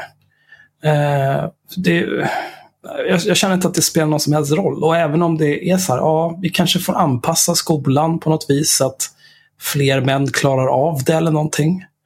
Men samtidigt så är det ju bra att det går bra för kvinnor. Det kan man väl undra dem efter. De har ju bara varit ute i arbetslivet i princip i 70 år. Mm. Eh, och det är väl... eh, kan man... eh, oj, vad duktiga ni är. Som har tagit det så här långt på bara 70 år, trots att vi hade 20 000 års försprång. Tokigt. Jävla sopor. Tvätta penis och skaffa ett jobb. Sitt inte och grina. Vad tycker du Henrik? I manligheten, finns det en kris i manligheten Jag tror, innevarande år? jag, tror att det, alltså, jag tror att det finns en skapad... Åh gud, det här är en jättesvår fråga. Det, det finns en skapad kris i manligheten där man tittar på de gamla normerna och ser att det har förskjutits. Alltså man ser att män är mer hemma. Eller jag, jag tror inte att de som ser det, alltså att de tänker så. Men att det har förändrats. Man känner inte igen sig. Det, det, och det har gått ganska fort också. Så man, man ser fortfarande det gamla tiders, eh, och då pratar vi 10 till 20 år tillbaka. Att det har förändrats enormt mycket på de 10-20 åren. Och att ehm, man... Har det det? Ja, det tror jag. Jag tror att det har förändrats jättemycket. Eh, andelen hur man fördelar föräldraförsäkring, hur man löser. Alltså, jag tror att det har kommit på tal i det offentliga samtalet. Man, man känner en dissonans i sitt privatliv. Kvinnan är så här, man pratar om hur män ska ta större ansvar till exempel på liksom vara på ett föräldramöte. Eller liksom finnas där. Ta eh, dagar när barnet är sjuk. Finnas där. Alltså, jag tror att när man sitter i sitt hem och det inte kanske har förändrats så mycket men hela media maler på om hur det, det som borde förändras, hur vi borde ta större ansvar. Så, så, så tror jag att man får en dissonans däremellan där man kanske måste försvaras varje inte uttagen föräldradag när man är hemma med sju barn inför sin fru. Alltså det blir ju en konflikt i det vardagliga också. Så här, bara, men varför gör inte du det här också? Jag, jag måste ju... Det är liksom, jag, varför måste jag jämt ta ledigt för att lösa det? Alltså, jag vill inte göra det. Det är jag som får skit på jobbet. Det är jag som inte får mer lön. Det är inte jag som... Alltså det, det, det sker en förändring där. Även om det inte är som det var Jo, fast jag tänker de som hade barn för 20 år sedan har ju rimligtvis inte små barn nu. Så Eh, de borde ju inte, de borde inte drabbas av den dissonansen. nej, men det, Hade jag, du småbarn för 20 år sedan så har du ju inte småbarn fortfarande, oftast. Nej, men jag Någon menar att, att men- du, du som uppväxt, alltså att kille, du hade Mm. jämt eh, din mamma hemma Mm. för 20 år sedan. Nu, nu kanske, men vi säger 30 år då. Och, Men sen vill inte din flickvän vara din mamma. Liksom. nej, precis. Nej. Helt sjukt. Så jävla osolidariskt. Men däremot tänker jag på kontot mansbebisar eh, Aha. på Instagram som vi pratade om förra gången. Eh, som just handlar om det där att, liksom att man sitter och ondgör sig över män som typ tycker att deras flickvän ska, eller sambo eller fru ska vara deras mamma. Ja. Alltså att, så här, men vadå, jag vet inte hur man tvättar. Varför ska jag kunna det? Eh, och den, den andelen män finns ju såklart. Men jag skulle vilja säga också, alltså utifrån det här som vi också touchade på, att det här med ansvarsfördelning och typ att, att män säger så här, ja, men jag, jag kan ju inte vara hemma med barnet för jag vet inte, vad gör man om jag inte hittar gummistövlarna och så vidare. Eh, där har ju faktiskt, på samma sätt som du har ett ansvar om du inte vill skruva upp alla jävla socklar hemma, eh, så får ju du säga så här, men då får du göra det och sen så får du ta att det kanske blir för jävligt i början. För att du kanske lever med en kvinna som inte kan det till exempel. Det är ju samma sak med, eh, med kvinnor. Att män kan ju bara vara mansbebisar så länge kvinnorna i deras liv låter dem vara mansbebisar. Tänker jag. Mm. Eh, och att det finns... Men det där är ju också, eh, jag, jag tror allt sånt där är ju, det, det är så enkelt att lösa egentligen. Har man till exempel så här, skruva upp socklar, ja, jag har tio stycken sådana att göra. Mm. Men gör en eller två tillsammans då. Och visa hur fan man gör. Och så säger du bara, jag pallar inte göra resten av den här skiten. Du får göra det. Jag går och fan och, jag går ut i Men det, garaget. det och här är också ditt stora Och när det problem, kommer Axel. till- Jo, nej, det är ditt nej, stora problem. nej, nej, Det är här, så här. Du har levt ihop med eh, din man. som har löst allt det Fast det är ju, fast, fast, fast det är ju precis så här enkelt. Det är precis det som är min poäng. Det här, Ja. alltså, jag tror att Eller nej. Ja, men det, och sen Jo. samma sak med så här, ja, jag, Nej. jag vet inte var det är, var det är regnstövlarna, var det är gummistövlarna Ja, någonstans? det. Jo, men då när man skaffar ett barn, då köper man ju all sån där skit tillsammans och så bestämmer man tillsammans, var ska vi ha all den här skiten? Ja, vi ställer väl gummistövlarna här på skohyllan tillsammans med alla andra jävla ja, men det är ju så man lär vi en sig. låda full med Det regnkläder. här är en, det här är en 40 men plus-man. jag bara, lös Nej uppgiften. men vänta. vä- vä- Åh gud, nu vill jag inte. Det, det här känns harsh. Men Axel, hur länge är ditt... Har du haft ett samboförhållande med en kvinna någon gång? Eh, det här är ju inte så enkelt det funkar. Du har ju helt rätt. Jo, men det är i- ju... Nej men det är det det, är ju väl inte. Sluta. Nej, men, Det här är ju Alltså, det- självbedrägeri Nej, det jag gör- jag- pratar om nu. Nej, men det enda jag gör är ju att presentera Ja, en lösning. det är ju- Det är så ja, här man löser alltså- det. Sen om det inte fungerar för att en eller två Precis. personer i relationen är förståndshandikappad, det är men- inte mitt problem. Jag har presenterat en Jo, lösning. fast kommer du vara så jävla... Alltså så här, för, för din, din respektive kommer ju i den meningen också säga, sätta en del krav på dig också. Där du måste fullfölja. Och det är ju li, den kommer ju kalla dig lika jävla handikappad efteråt. För att du inte fullföljer de sakerna. Alltså, nej, men, nej, men det, här, det är det här som är min poäng. Att jag tror att kvinnor i ganska stor utsträckning enablar det här därför att man inte orkar. Ta den, alltså se att du har, du har en snubbe eller eh, omvänt, du har en flickvän som inte vill, eh, vill byta stickkontakt på någonting.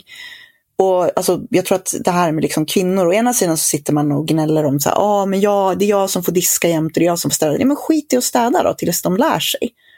Eller fra, framförallt med liksom föräldraskap, det är så här, ja men okej, ja men det går ju inte, jag kan ju inte lämna, han kan ju inte, jag kan inte lämna honom ensam med barnen för då kommer de iväg till dagis med liksom gummistövlar mitt i sommaren och typ Ja. ingen vinterjacka och så här, ja men låt dem göra det då, hur fan ska de lära sig annars? Men det där är ju, det där är ju samma sak igen. Så här, nej, men han kan inte göra det för då blir allting fel. Det är, det är den här, utgå ifrån att, eh, eller låta män vara ja men inkompetenta. precis, du enablar ju det. Det är, så- det är, det är vedervärdigt. där alltså. måste du så här, nej, jag kan inte laga mat. Nej, okej, då lagar jag mat till mig själv och barnen. Ja. Så får du lösa det där bäst du vill. Här är en kokbok. Mm. Du kan ju läsa den här medan du sitter och är hungrig för att jag inte har gjort någon mat till dig. För att jag är Nej, trött men alltså, på men att det är precis det jag menar. Jag är helt på Axels linje. Ja, Alltså, så här, du du måste ju faktiskt... Hörni, vi Men tre. sen att du har dåligt samvete för att du inte, för att du inte Vi lyckas tre. tillämpa det här. Vi tre. Det är en helt Nej men vänta, vi tre, alltså så här, vi känner varandra ganska väl. Vi har Axel som eh, var in, under min period inte haft ett annat samboförhållande än, än eh, vår kära Andreas. Eh, och som Klase Fast jag har haft, ja, jag har haft längre förhållanden än vad du har haft. Ja, absolut. Men det är inte det jag Betydligt säger. Och, och, ja, och du har ju berättat om hur, vad du har fått skit för.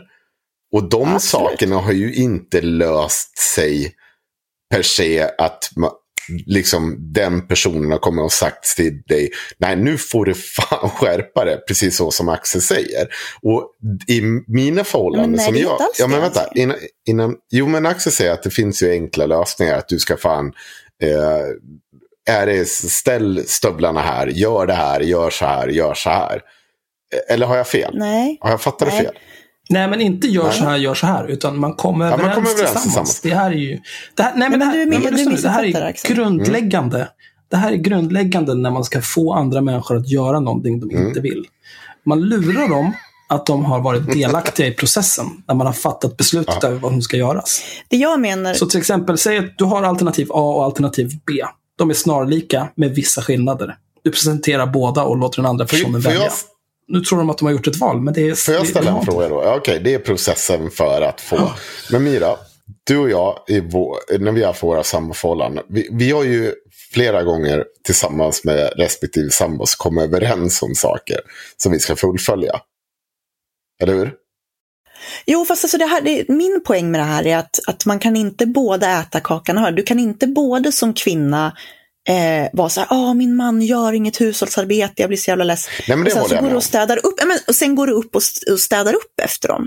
Någonstans så måste du ju liksom dra en linje i sanden. Att, an- antingen så säger du så här, ja, nu, nu förväntar jag mig att du ska göra disken idag. Gör Mm. de inte det, men lämna disken tills de gör det. Och säger så här, ja, men jag tänker, jag, jag går ut och äter tills du har löst det här. Jo, men jag håller med om det. Eller så får du ju inte gnälla. Liksom. Nej, men- Antingen så, så gillar Ja. du ju läget och så Fast gör du deras Du jobb. vet, vi, komplexiteten i det här är ju mer än så. Och du pratar väl säkert, nu går jag ur mansrollsdiskussionen också. Komplexiteten i ett förhållande är ju mer än så. Vi har ju våra quirks, vi har ju våra konstiga, ja, vi kan liksom inte, vi kommer överens Jo, om du- saker, sen bryter vi dem mot varandra. Jo, så- jo men, men du pratar ju om någonting annat nu. Det, det, jag, det jag och Axel pratar om nu, det är ju så här eh, orättvisan i fördelning av hushållsarbete eller orättvisan i fördelning av eh, ansvar för barn eller sådana där grejer. Där, där du å ena sidan har det här mansbebis, liksom att folk bara, ah, min man gör inte det här. Eller typ, min flickvän, hon byter minsann aldrig däck på bilen. Ja, men liksom vill du att de ska göra det och ni har kommit överens om att de ska göra det, då, då måste de ju få, alltså man måste få göra fel. Liksom. Och jag tror Ja. att du kommer ut då som man, som vi pratade om, att du kommer ut som ung man och du har haft en mamma som har tvättat dina äckliga socker hela livet. Och så flyttar du ihop med en tjej och ser du så här, ja men jag vet inte hur man tvättar. Då kan ju den här kvinnan då som du lever med, kan ju antingen vara så här, okej, tråkigt, då får du väl läsa bruksanvisningen och sen får du lära dig att tvätta, för jag tänker inte tvätta dina stockar. Eller så kommer man överens om att säga, ja men det är lugnt, jag kan göra tvätten, men då får du göra någonting annat som är motsvarande. Yes. Men man kan liksom inte både gnälla på att eh, alltså män måste få, om man inte kan de här grejerna på samma sätt som kvinnor kanske inte kan byta däck på bilen, eh, så måste du ju tvingas lära dig för att du ska kunna lära dig att göra saker. Ja, jag vet. Och i min förra samborelation fanns det ju två barn med bilder som jag tog väldigt lite ansvar för. Alltså extremt lite. Eh, jag har god eh, relation med den här kvinnan än idag. Eh, och liksom jag har fan haft mer att göra med de här barnen på något sätt efter den eh, samborelationen. Och liksom varit en del av dem. Men- jag gjorde ju verkligen ingenting av det här då. Men i det tillfället så skyller jag ju det mer på att jag var så här helt totalt inte mogen för den typen av relation. Alltså att det fanns, alltså jag, jag visste ingenting om det. Jag var helt oförmögen att fatta att jag kanske borde hålla koll på det här och det här. Eh, vad gällande... Men du ville väl inte? Du tyckte väl inte att det var viktigt liksom? Hade du tyckt att det var viktigt så hade du ju lärt dig. Och det är väl helt okej? Jag Fast det, du, det, du var hade ju inte så, så gick jag ju inte tänkte och så har jag inte tänkt i efterhand. Det, det var inte så jag gick och tänkte. Utan Nej, det nej, var, men det är ju ganska också- uppenbart. Det faller Tycker du att någonting det. är viktigt så lär du dig ju. Jo, men det... Ja, det, Jag tycker att det är så enkelt. ja. Och det kommer Och så, nog jag tycker inte att det är förmodligen någonting- flera av dem som lyssnar på oss säga att det är också. Men det var inte...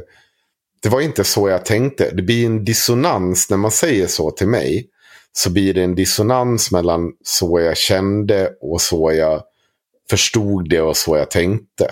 Men det, det är ju inte så att jag inte förstår att egentligen det jag borde ha haft en stor fet örfil. Och att det här borde du ha tänkt på. Eller varför då? Du har ju inte valt att ha de där barnen. Jag menar, du kan ju inte Ja. tvingas ta ansvar för barn som Fast du jag inte ger själv mig in i har den relationen. Och då får jag ju faktiskt ta ansvar för det. Då får du äta Ja. barnbajs. Ja, men... Det behöver inte vara så heller. Du kan ju vilja vara med personen utan att vilja ha med deras barn att göra. Men då ska ni ju komma överens om det i sådana fall. Liksom. Ja, men det blir också en ganska konstig relation. Men varför då? Jag skulle Ja, inte det vilja där, ha några det där jävla får du reda bonusbarn. ut på någon eh, killmiddag med Make Equal eller någonting. Ja, för det är nästa grej vi ska prata om. Har du någonting uppe nu Myra som du vill läsa från Killmiddag? Nej, jag tänkte att du skulle få prata om killmiddag. Nej, ja, du hade en nej, nej. Det var det enda du pratade om i förra Ja, avsnittet. men vänta, stopp. Det var, ehm, det var det. Kan vi ta en liten paus, kiss, nu? Ja, Bra, då går jag och kissar. Ja, fort. Fort, ja. Åh, gud, jag så i mansrollen har jävligt liten blåsa. Ja, när man har druckit lite whisky. Kommer snart. Whisky är inte ens mycket vätska. Kanske du inte ska Nej, dricka så nej, mycket whisky.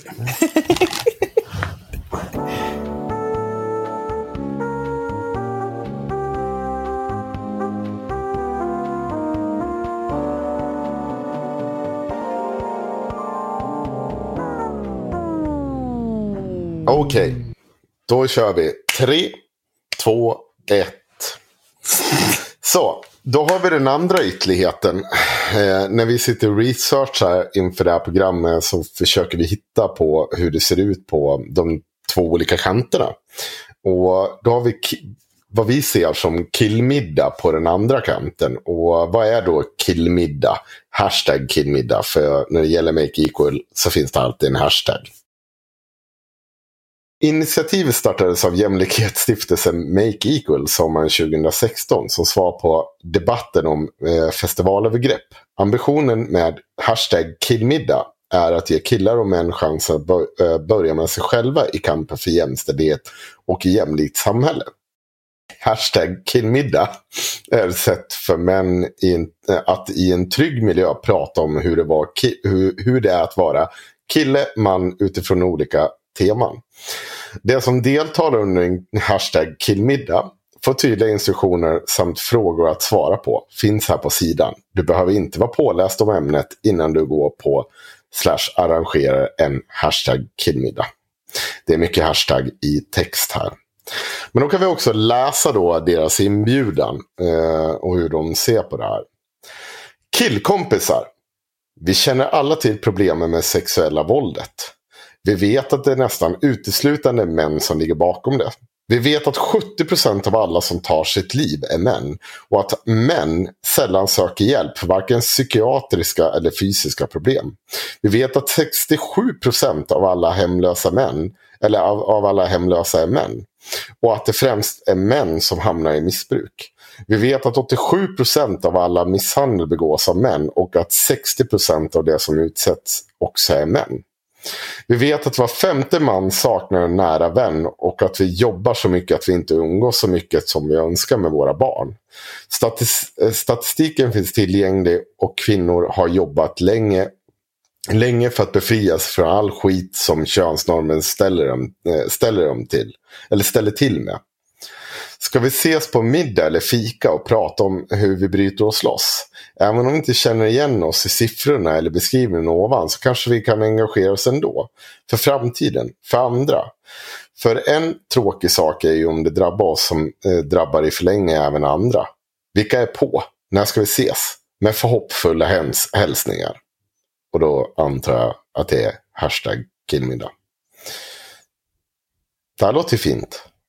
Eh, ja. Men jag vet inte, det... Det känns så poänglöst på något vis. Varför det? Om ni skulle få den här, känner ni att det talar till er som män? Liksom? För ni borde ju rimligtvis vara i målgruppen för det här, för ni är män. Ja, vi är män. Mm. Men jag vet inte, jag... Eh, eh, jag känner att jag har nära vänner som jag kan prata med i princip vad som helst med. Eh, jag, eh, jag... Jag vet inte. Det, det, det, det krävs väl att man tillhör någon av de här riskgrupperna. Alltså att man antingen har någon typ av begynnande missbruksproblematik eller att man har, lider av psykisk ohälsa eller att man har eh, självmordstankar eller att man kommer på sig själv med att komma hem från krogen och helt bara nerblodad för att man inte kan gå ut och dricka en öl utan att börja slåss för att man är dum i huvudet. Annars vet jag inte om, om jag som relativt välanpassad man skulle sitta tillsammans med ett gäng andra relativt välanpassade män och prata om det här, vad ska det uppnå? Är det bara för att vi ska sitta och suga av varandra över hur jävla duktiga vi är och hur insiktsfulla vi är? jag, jag blir mest provocerad av det här. Kan man likna det någonstans vid eh, Alexander Bards fallossymbol? Ja, det är samma sak. Varför? Bara det att... Eh, alltså det handlar ju om att samla med... Nu, nu för sig, Make Equal tar väl inte betalt? Nej, det tror jag inte att de... Jag vet inte Just killmiddag, just killmiddag är det väl tänkt att folk ska göra typ med sina egna kompisar. Ja. Men, det- däremot så tar de ju betalt för att komma och föreläsa om den här skiten förmodligen. Ja, det är klart de gör. Eh, men den här, såna här mansretreats med Alexander Bard och den här raw man-skiten. Mm. Eh, alltså det där är ju mer, det där är ju sekter. Där det är någon jävla charlatan känner så här, nu har jag tappat in i någonting. Där finns det deg. För det springer runt en massa vilsna idioter. Men jag tror att de, de hittar nog inte sin målgrupp heller. För om man tar till exempel e- exemplet som Alexander Bar har, så här unga män som är vilsna och bara spelar bort sina dagar med dataspel hela dagarna. Har de pengar nog att åka på något jävla retreat i Molkom i en vecka och dansa runt en kuk? Jag tror inte det. Utan det blir samma sak, liksom, utan att det, det liksom missar helt målgruppen. Och är i, i bästa fall helt meningslöst. Eh, och i värsta fall bara exploaterar de folk som är korkade nog att betala för den här skiten. Det är vad jag tror. Men jag, jag, jag ser ingen konstruktivt kan komma ur det där. Det är väl lite som jag ser på självhjälpsrörelsen i sig. Alltså att, ehm, att det är mycket, mycket ormoljeförsäljare liksom, som vill profitera på Ja. att andra är osäkra. Men sen är det klart att det finns människor som genuint brinner för att stärka andra. Och liksom, men jag, jag vet inte heller om jag tycker att det kanske är rätt sätt att göra det på. Jag, jag, jag, Jag skulle säga så här, om jag, om jag vill eh, hitta, eh, liksom på något vis organisera eller knyta an eh, eller hjälpa män som har lider av psykisk ohälsa eller eh, vad som helst av det där. Det, det man gör det är ju inte så här, nu ska vi prata om alla våra jävla problem och hur jobbigt det är. Utan då är det ju bättre att hitta ett genuint intresse. Sen om det är liksom curling, dataspel, knyppling, whatever. ja, eller det blir så här, Och sen så samlas man kring det intresset istället. För då, då kan det liksom växa. Då har man redan någonting gemensamt och sen så kan det växa fram någon typ av vänskap ur det. Och då kan det ja, rulla vidare. Liksom. Och det, det tror jag skulle vara mer konstruktivt. Men att börja med, nu ska vi stå och ladda någon jävla kuk med kraft för andra män. Eller nu ska vi ha en middag här och, och dricka soja. Eh, väx upp bara. väx upp. Ja, eh, jag...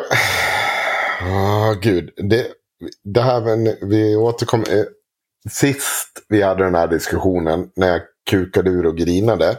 Då sa jag så här att jag, har så jävla svårt att eh, tro att de som jag har runt omkring mig känner igen sig i det här.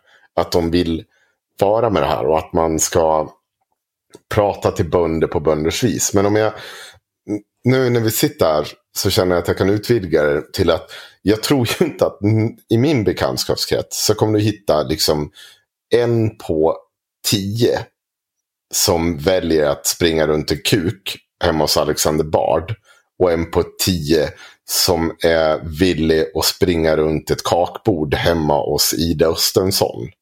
Det är liksom det jag har det. Resten, de finns där någonstans mittemellan. De, de lever sitt liv, de försöker göra någonting bra, de försöker prata med sin... Eller det gör de ju inte alla såklart, utan det finns ju extremiteter även på deras skala. Men, men de skulle ha svårt att känna igen sig i någon av de här grejerna. Att eh, om jag skulle dra ihop en killmiddag eller springa runt en kukkväll med jag vet inte, brinnande kors och vad, vad det är man behöver göra. Oj. Nej, Ja, det kanske var... KKK är också någon sorts mansklubb i och för sig. Så att, Nej, men, men liksom att jag har lite svårt att se var man ska pass, passa in någonstans. För jag, när jag, går in på de här olika övningsfrågorna. Och säger så här, uppvärmningspåstående. Svara ja, nej om det stämmer dig. När jag kramar en annan man avslutar jag ofta med en klapp på ryggen. ja, okej. Ja, det, det har hänt och det har inte hänt. Jag vågar visa känslor bland andra män även när jag är nykter. Ja, det har hänt och det har inte hänt. Men det, det är ju väldigt konstiga... Jag, jag tror, på, tror att mina Alltså, manliga kom... Våga visa känslor. Vad för slags känslor Ja. liksom? Eh, Vågar jag le för att jag är glad? Ja, det gör jag. Ja, men vågar du säga att du Eller mår skit? Ja, det gör jag också. Ja, det är klart. Det är det jag berättar för alla som vill lyssna att jag mår skitdåligt. Jag tror att mina manliga kompisar skulle vilja ha en närmare vänskap med mig. Jag, jag vet inte vad... Det har Men jag väl. så det här är väl liksom, det, det här är väl, jag tänker väl så här att det här är väl vettiga frågor att typ tänka på själv. Så här, att typ utvärdera sin egen eh, vänskap, sina egna vänskapar. Ja. Ungefär som att man kan titta på så här, har jag, vad får jag ut av liksom mina vänner? Eh, jag menar, bara att du liksom så här, känner jag att jag får ut det jag vill ha av den vänskap jag har och så vidare. Men jag tänker så här, om jag får tänka bara spontant på den här inbjudan. Om, du pratade lite grann om att det är bara- svårt kan att bara- se vilka Innan som- du får det. Ja. Bara, punkt fyra. Jag har skedat med en killkompis. ja, Detta har hänt. Ja. ja på fyllan eh, förmodligen. jag har gjort det. Mm. Eh, alltså jag, jag, jag har skedat med killkompisar, men eh, ja, de var ju fulla. Mm. Jag förstår inte varför jag skulle göra det. Fan. Men det är ju också, det betyder Men jag ingenting. skulle inte skeda med mina tjejkompisar om jag inte var full. Alltså inte ens om jag var full tror jag. Jag tycker att sånt där är, det Alltså, är det, onödigt. det där är ju Varför ska jag hålla på och kramas? konstruerat. Eh, nej, men det, är ett konst, det är en konstruerad närhetsbetygelse. Ja. Liksom. Det, det är ju för att de som läser det där alltså, ska tänka så här, nej det har jag aldrig gjort. Oj, jag kanske har olika problem. nej, men du har nog jag- inte det. Du, det kan lika gärna vara så här, eh, varför inte så här, har du, har du en, eh, om du är kille, har du en manlig kompis som du hör av dig till varje dag? Pratar här, du har med du någon du skulle- minst så här många gånger i veckan? Ja, eller typ så här, jag skulle ställa mer sådana frågor. Men typ så här, har du liksom, om du känner att du, är, att du är ledsen över någonting, känner du att du kan prata med någon om det då? Ja, har du någon du kan ringa om du råkar ut för någon Ja. typ av kris? Det säger väl mer. Om man inte vill, ske- jag vill inte skeda med mina kompisar. Det är ju... Men alltså, vad ska, vad ska man Nej, ligga och det, skulle, vara- skeda? det, det är väldigt specifika och konstiga frågor. Men sen tänker jag så här Ja, på förlåt, inbjudan. Nej, men jag tänker den här inbjudan. Eh, om vi liksom vänder på det här nu. Det här ska ju vara en inbjudan är ju tänkt att den ska locka och känna, folk ska känna så fan det här känns som någonting jag vill göra. Och då inleder man med, vi känner alla till problemet med det sexuella våldet. Ja, gud vad kul det här känns. Det blir liksom, gud vad peppad jag blir. Ja, men alltså, jag, jag, Mira, Mira Ja. jag, jag reagerade exakt samma sak. Men jag fick väl den här, det blev ju en brasklapp någonstans. Eller inte brasklapp, men även om vi inte känner igen oss i siffrorna det beskrivs ovan så kan, kan vi engagera oss ändå. Men jag vet inte, det, men alltså, du inleder liksom... bra. Nej, men du inleder en hel inbjudan till att säga så här, ja vi vet ju att män är ett jävla stort problem för världen, men vad sägs om att vi tar en middag och pratar om det? Jo, ja, men det tänkte jag också på. Så här, om, om, jag kommer ju inte bjuda in en sexuell förbrytare där. Så jag vet inte riktigt vad ska vi prata om när vi sitter där. Om vi pratar om det sexuella våldet. Om någon av dem som sitter där är det. Då vill ju jag gärna att den inte ska vara där. Och helst sitta i fängelse. Och- Ja, eller liksom, jag tror jag har svårt att tänka mig att folk känner att, alltså att de kan vara ärliga i en sån situation och säga så här, ja, jag har nog kanske gått över gränsen några gånger. Liksom. Det kommer ju inte hända. Och det har ju ingenting med, det har ju bara att göra med att man kanske inte vill sitta på en middag och, och liksom erkänna att man har ut, utsatt någon för sexualbrott. För att det är en Nej. konstig grej att göra på en middag. jag vet, alltså det, är, det är väldigt konstigt Ja. om man ska bjuda in folk att man, att man liksom för hela första stycket handlar om liksom att män är sämst. Kom och käka. Och alltså visst, det finns ju den, jag menar, men jag tror att de flesta, antingen så är man medveten om att det ser ut så här.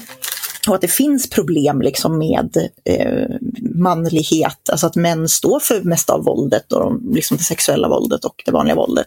Och det tror jag att de flesta människor som är lite, som är åtminstone medelintelligenta vet. Eh, så att det känns att inleda med det känns ju lite onödigt. Jag tror ju mer på att man skulle prata i sådana fall om så här, ja men vi, jag vet inte, jag vet inte fan hur jag skulle utforma det där, men alltså jag skulle väl snarare säga att så här, ja men vi vet att det finns många killar som typ inte har så mycket kompisar, så det vore schysst att så här, träffas några stycken och så prata lite grann. Det skulle, du behöver inte vara så jävla, Men, men det är också så här... Men det blir inte... Det är väldigt så här Mm. mattbomba. Alltså, vad ska man... Okej, jag, jag skulle säkert kunna ha någon typ av middag och bjuda in tio killkompisar som jag inte umgås med jätteregelbundet för att de kanske är ensamma och kanske inte har någon bra kompis eller kanske har någon, lider av någon typ av psykisk ohälsa eller kanske bara behöver någon att prata med. Det kan jag göra, men liksom Eh, jag vill inte. Jag vill inte. Alltså jag är, jag, jag är skitgammal. Eh, de, de jag umgås med, förutom nya bekantskaper som har nästlat sig in i mitt liv, liksom, de jag umgås med, de har jag känt i 25 år. Det räcker. Vi har, vi har en stabil relation. Jag, jag behöver inte nya vänner och jag är ärligt talat inte intresserad av att hantera någon annans skit på det viset. nej. Jag har inte den typen av tid. Nej, men alltså sen ser alltså det finns väl en poäng i generellt att så här, ja, det, det vore väl bra för väldigt många om man träffade mer människor. Vi har ju en, en och det har ju också samma sak som att folk inte super och knullar lika mycket. Det är för att man inte är ute och träffar folk lika mycket, för man ligger hemma på soffan och surfar sociala medier. Liksom. Um, jag tycker att det är ganska skönt. Men, eh, men, men det är väl inte Men- liksom en könsbunden grej att det vore bra att träffa mer människor. Därför att vi är egentligen sociala djur som mår bra av andra människor runt oss. Även om det Men då, inte känns då har jag en fråga. Och den här är stulen från Myra i avsnittet som ni aldrig kommer få höra om ni inte är Patreons. Eh, då, då frågade Myra mig så här. Eh, för jag sa så att man ska tala till bönder på bönders språk. Eh, och om man behöver adressera de här problemen. För att någonstans, det är ju inte helt åt helvete. Eller så här. Jag har lite svårt att se att det ska dansa runt en kuk. Eller sitta. Men det finns saker att plocka från de här två olika lägen som är intressanta. Alltså det, det finns, Myra, du har pratat mycket om att män har svårt att prata om känslor. Mm. Det har du varit återkommande. Om jag ställer frågan, för jag fick den här frågan sist och jag hade svårt att precisera mig. Men, och, och jag tror jag faktiskt har lika svårt att precisera mig idag. Men om jag ställer frågan till er två om vi ska plocka någonting ur det här, om vi ska göra det i någon slags projektform, vi ska nå män. Vad behöver vi göra för att få män att prata om känslor, prata om osunda normer det här var ju någonting och så vidare? Eh, Så det här var ju någonting som, som eh, vi pratade om förra gången. Det var någonting som du sa. Eh, Vi började prata om det här att man, liksom, att man tilltalar pojkbarn och flickbarn olika redan när de är spädbarn. Eh, för det är ju sånt som har kommit på. Vi började prata lite om genuspedagogik bland annat. Och att vi trodde ju då i alla fall att liksom, det är en ganska bra grej att fundera på hur vi behandlar barn. Därför att det är, liksom, det är där någonstans man sätter väldigt mycket mönster. Eh, och då sa du, för Axel sa att ja, men om man ramlar och slår sig så ska man säga att borsta av det och spring vidare. Men du sa att man ska hitta en medelväg, liksom, där det är så här, man får man frågar, liksom, jag tror att det börjar redan där, alltså börja liksom fråga killar hur de mår. Fråga så här, hör du, du ser lite hängig ut, liksom, hur är läget? Och ha ett genuint intresse för det. Jag har ju lite så här annan, alltså eh, i och med att jag är kvinna med många killkompisar och killar kan ha lättare kanske att visa svaghet med kvinnor än vad de har med andra män.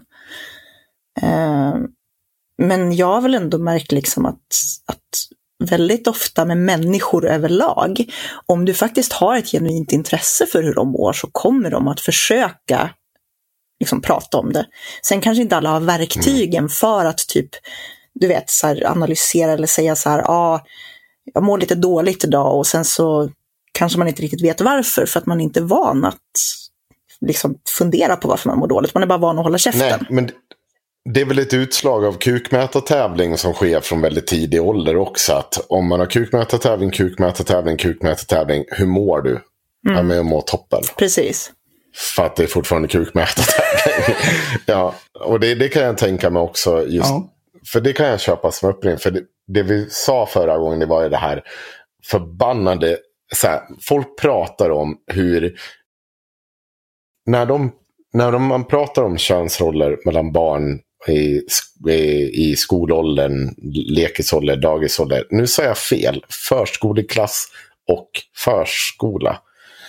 För er PK-horor som sitter där ute och har barn Oj. i förskoleklass och ska ha En sak ska du ha jävligt klart för dig. Förskolelärare är en Ja. riktig utbildning. De har fan studieskulder upp i röven. Men i alla fall, det är ju det här att man pratar alltid som, ja, men med, med killar, de ska bara resa sig upp när de har ramlat och fått ett jävla skrubbsår och så, och så blir det bra. Men kvinnor, de, de, de säger man så, åh, men nu med man kärlek, de, de ska bara, åh, det gick dåligt. Jo, fast det kanske är rimligt där att inte dalta Ja. över ett jävla skrubbsår. Det kanske inte är så jävla smart att göra så hela tiden. Utan det är väl ett, någonstans där måste man förena de här två. Att låt barnet vara ledset. Men när det grinar för tredje dagen i rad för att det har s- skrubbat som, eller pilla på sitt jävla skrubbsår och det börjar blöda. Då säger man, nu får inte du någon mer jävla plåster. Nu får du sätta en jävla papperstuss här.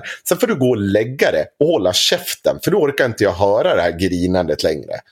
Det, nu är det bra. Nu är det bra. Det kommer göra mycket ondare när du sitter på en skatteskuld på 200 000. Du har brutit benet i din nya Audi A7 för att du körde den rakt in i en vägg. Och du, du är impotent. Det kommer göra mycket, mycket ondare än när du sitter där med ditt jävla skrubbsår. Vi måste kanske gå ihop Ja. om att det är okej. Du menar att man ska, man ska liksom krossa barnens eh, livskraft tidigt? Nej, men Så de ramlar och får ett skrubbsår. Så det enda man säger är Ja, Nej, nej, jag bara, men jag, jag tror ju också, men- Men alltså apropå det här med, för att jag, jag vet, jag, det, var, det var som du sa förra gången också, att liksom man måste ge även pojkbarn utrymme att tycka och känna saker och vara ledsna och så här. Men jag tror att det här faktiskt är någonting också som har, eller som blir successivt bättre. Jag tror att unga män idag har lättare att prata känslor i många fall, om de inte är liksom incels som aldrig har haft ett socialt liv. Liksom. Alltså det är den, den uppfattningen som jag får om man tittar på skillnaden mellan människor, alltså killar jag känner rätt bra som är i 20-årsåldern och sådana som är i 30-årsåldern så är det faktiskt en del skillnad. För, för, bra, på tal om incels där, när du säger Mm. det. Här kommer vår klippare att snyggt klippa in eh, ett eh, ljudklipp från det här jävla tok rapey McRapeface som sitter på Facebook och säger att han ska våldta kvinnor. Och som har blivit så jävla viral nu som någon slags exempel på den dåliga mansrollen. Hello, my name is bla bla bla. I'm 25 years old. Never had a girlfriend. Never kissed a, a girl. I'm the most awesome guy you can meet. I can say this if a woman re- rejects you, if you go up, you ask if they want to fuck you, you know, at a club or a bar. And if they reject you, you can rape her. That's fucking fine, you know. I support it 100%. And if you don't agree with me, you're a fucking pussy. You're not an alpha male. You're a fucking pussy, you know. It takes strength to rape. Know, it gives you a more powerful feeling. Like you're the king of the whole world, you know. It's better than any drug out there. Yeah, so. You know, summertime means rape time. So fuck you. Bye. Men i alla fall, det, det har blivit viralt. Det är, det är så jävla tramsigt att använda det här som något begrepp för det här är ett utfall för mansrollen. När man ser att det finns en sjukdom, i, han är diagnostiserad, har väldigt svårt med mänsklig kontakt i huvudtaget eh, och allt vad det innebär. Du kan inte komma och säga att det här är ett utfall för mansrollen. Det här är utfallet för en person som har ett problem som behöver behandlas på ett helt annat sätt än vad mansrollen har skapat. För oavsett mansroll så finns ju risk att han hade fallit in i någon destruktiv roll i kontakt med människor överhuvudtaget. Däremot så är det mer intressant att diskutera mig eller Axel eller någon annan Men det är det jag gör nu. som inte har diagnostiserade saker Ja. som man kan komma och Men det, lägga men det är det jag tänker att alltså jag tror och upplever att det finns en viss skillnad i att eh, liksom eh, tittar man liksom tio års åldersskillnad mellan sådana som är över 30 som jag är och de som är 20. Alltså det känns som att det har eh, det är inte lik, exakt lika illa. Liksom. Det är ju äldre män är generellt, desto mer känslomässigt handikappade är de. Nej men alltså lite så, faktiskt. Så jag tror att det har blivit bättre. Jag tror att det fortsätter att bli bättre och det är väl delvis för att liksom de här, alltså de som är 20 nu, de har ändå vuxit upp i ett samhälle där vi faktiskt har under hela deras livstid diskuterat könsroller på ett sätt som man inte gjorde liksom, eh, innan dess. Ja, jag har ju ofta pratat om att, eh, vikten av att vaska Mm. äldre generationer. Eh, ibland måste man bara ge Ja. upp. Liksom. Man får koncentrera sig på de Jo, som men vi kanske liksom inte kan göra nu. så jävla mycket åt att, att Bingo Berra, 65, inte tror att kvinnor kan köra bil. Liksom. Det är kanske inte är där vi ska lägga vår Är det, energi. någon, är det någon som förstår bingo Nej. referensen som är, är under 30? Men det spelar ingen roll. Det, huvudsaken är att det, är en, att det målar upp en bild. Liksom. Man förstår omedelbart att det är en gammal äcklig gubbe. Eh, Men det, men det är, ja. Ja, jag, jag har egentligen inget att tillföra där. Jag håller helt Mm. med. Bra. Men- Men däremot så, om, om vi ska sammanfatta det så handlar det väl om att behandla barn Mm. lika. ja, men jag tror det. Och, Ja. och också Nej, inte bara ja, barn. Alltså, inte med det. Jo, men och inte Till- bara barn egentligen. Alltså försöka sätt. göra det i sitt eget liv också. Jag, jag försöker ju typ i mitt dagliga liv eh, ifrågasätta så här, ibland, när jag, ibland när jag känner att jag vill reagera känslomässigt på någonting, eller så här, jag vill bli arg på någonting, eller jag vill bli så här, jag tycker att bara, Åh, det här är orättvist, eller det här är sexism, då försöker jag typ vända på könen i huvudet. Och så försöker jag tänka så här, hur skulle jag reagerat om det hade varit tvärtom? Och det hjälper mig att sätta saker i perspektiv. Det var samma sak när jag, när jag höll på och när jag jobbade och hade så här arbetsgivar, eh, arbetsledare och arbetsgivaransvar och anställde folk. Så brukade jag faktiskt, bara för att jag vet att det finns, liksom att, att vi alla i viss mån påverkas av olika strukturella eh, fördomar eller vad det nu kan vara, så brukade jag så här, ja men nu reagerar jag så här. Hade jag gjort det om det hade varit en eh, 17-årig etnisk svensk kille, hade jag reagerat likadant då som om det är en 17-årig invandrartjej. Liksom. Och så försöker man så här ifrågasätta sig själv. Och sånt tror jag är viktigt. Oavsett om det är barn man pratar med. Jag kan... Axel gjorde en dålig sammanfattning för övrigt. För att sammanfattningen är egentligen så här. Det är att vi ska Oj. ge upp om den äldre generationen. Det är bara liksom, det här är ett lost cause. Och så ska vi satsa på den yngre generationen och se till att det är bra med mansrollen till exempel att kunna resa på sig efter ett skrubbsår. Utan som traditionell mansroll säger jag nu. Eh, att det också ska föras på kvinnorollen. Men också kvinnorollen där män ska kunna vara liksom gråta en skvätt och prata om sina känslor. Det är sånt vi ska föra in på våra yngre. Ja, Är det en bra sammanfattning av det här? Det Ja. bästa av ja men sen så världar. tänker jag också att jag tror ju att man kan... Eh, jag, tror att, att, jag tror inte att det är helt kört för äldre generationer heller. Men där tror jag att det mer handlar om, alltså där kan, jag tror inte man kan tvinga på eh, människor en helt annan roll på det sättet. Däremot så kan man ju göra sig tillgänglig, det vill säga som jag sa att du kan faktiskt fråga hur folk mår. Och visa att jag är faktiskt intresserad om du vill prata om det här och sen så får folk komma till den insikten själva. Köper det. Köper det. Men här ska vår klippa, Jag är kissnödig igen. Och du ska, Ja, jag vet. Fan vad du håller på Ja. och Ja, micromanager jag vet. klipparen. Klipper han bort där så kommer det... Gå på toaletten nu. Herregud.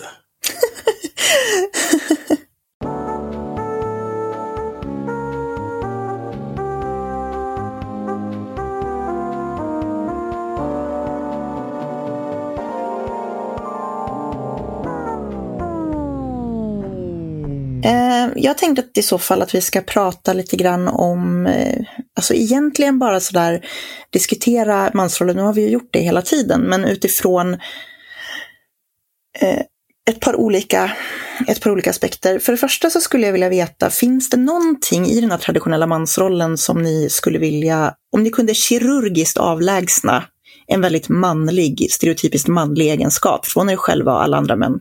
Vad skulle ni välja? Jag har, jag har ett svar. Jag har ett svar. Eh, eh, Fröken, fröken. fr- Men så här, jag fattar ju att det finns de här, så här, den här macho-grejen och det ni har, vi har diskuterat hittills. Eh, om eh, att eh, slåss och det, ja, det, det borde ju bort. Eh, och det finns ju kvar även idag.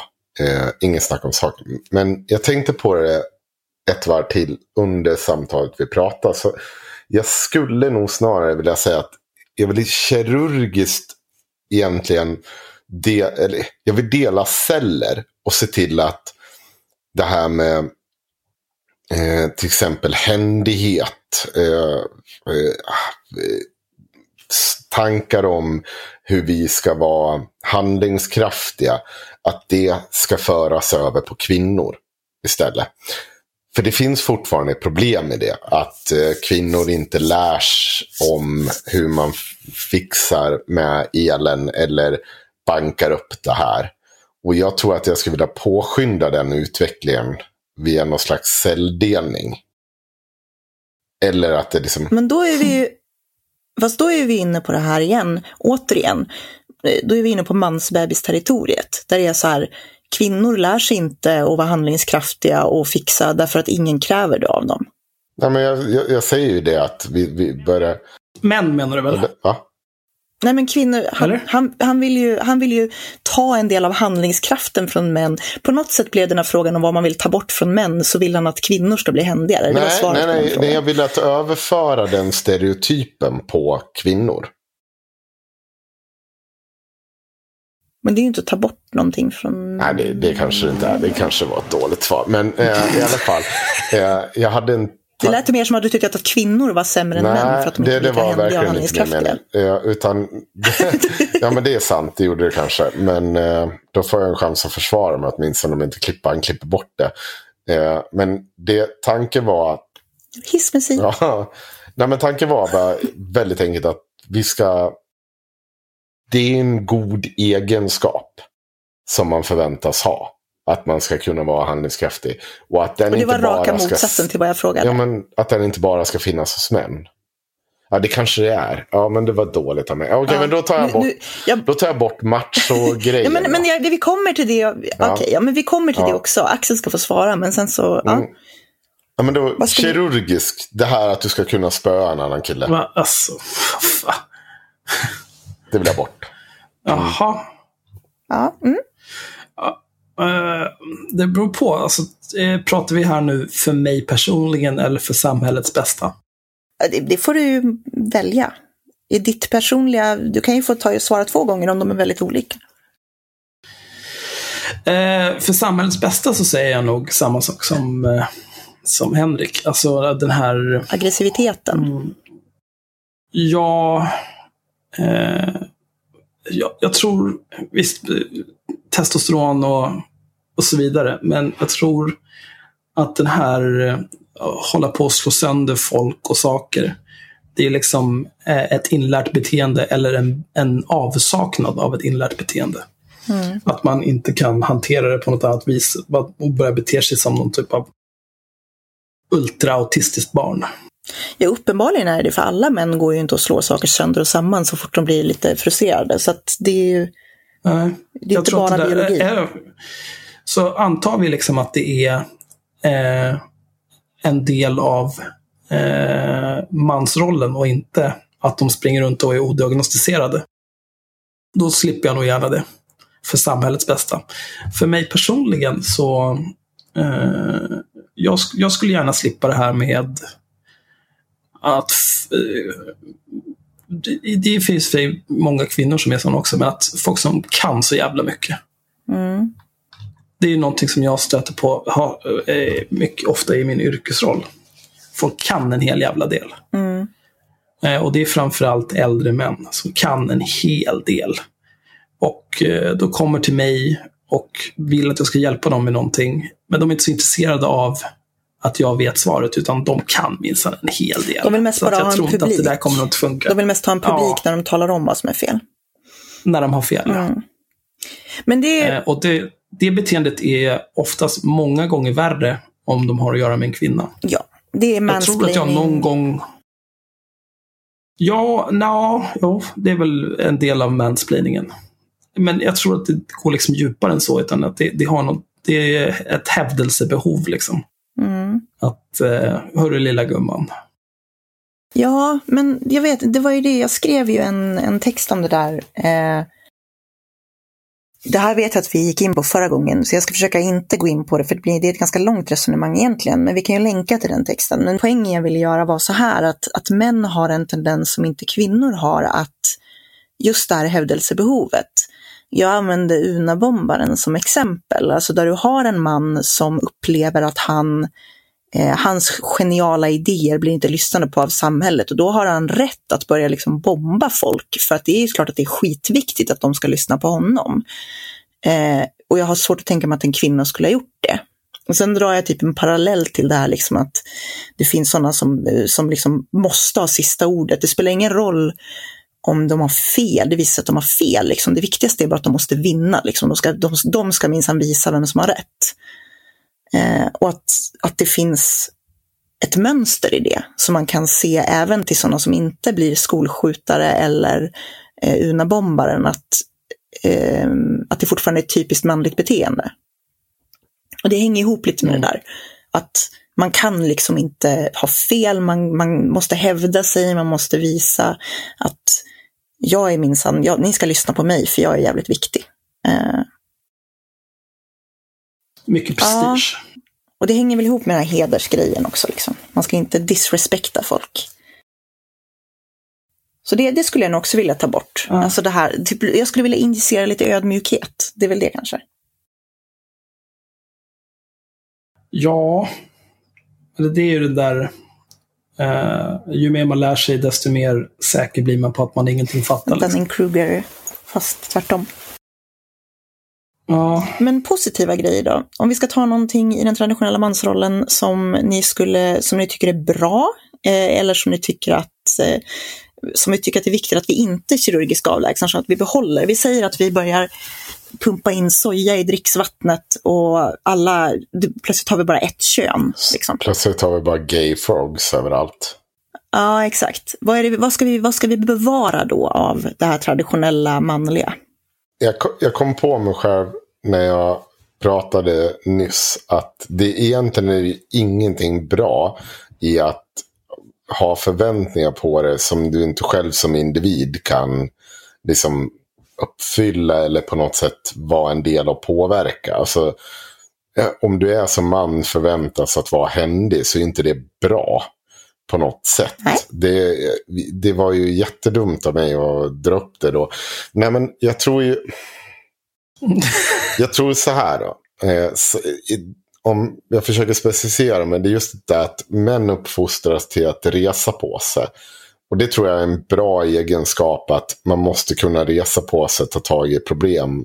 Att, att man uppfostras till det. Men samtidigt måste man uppfostras till att inte vara rädd att fejla det problemet. Så att det där, hela tanken på res det på det, borsta av det, ta tag i saker. Det är jättebra. Men det måste fyllas på med den andra aspekten.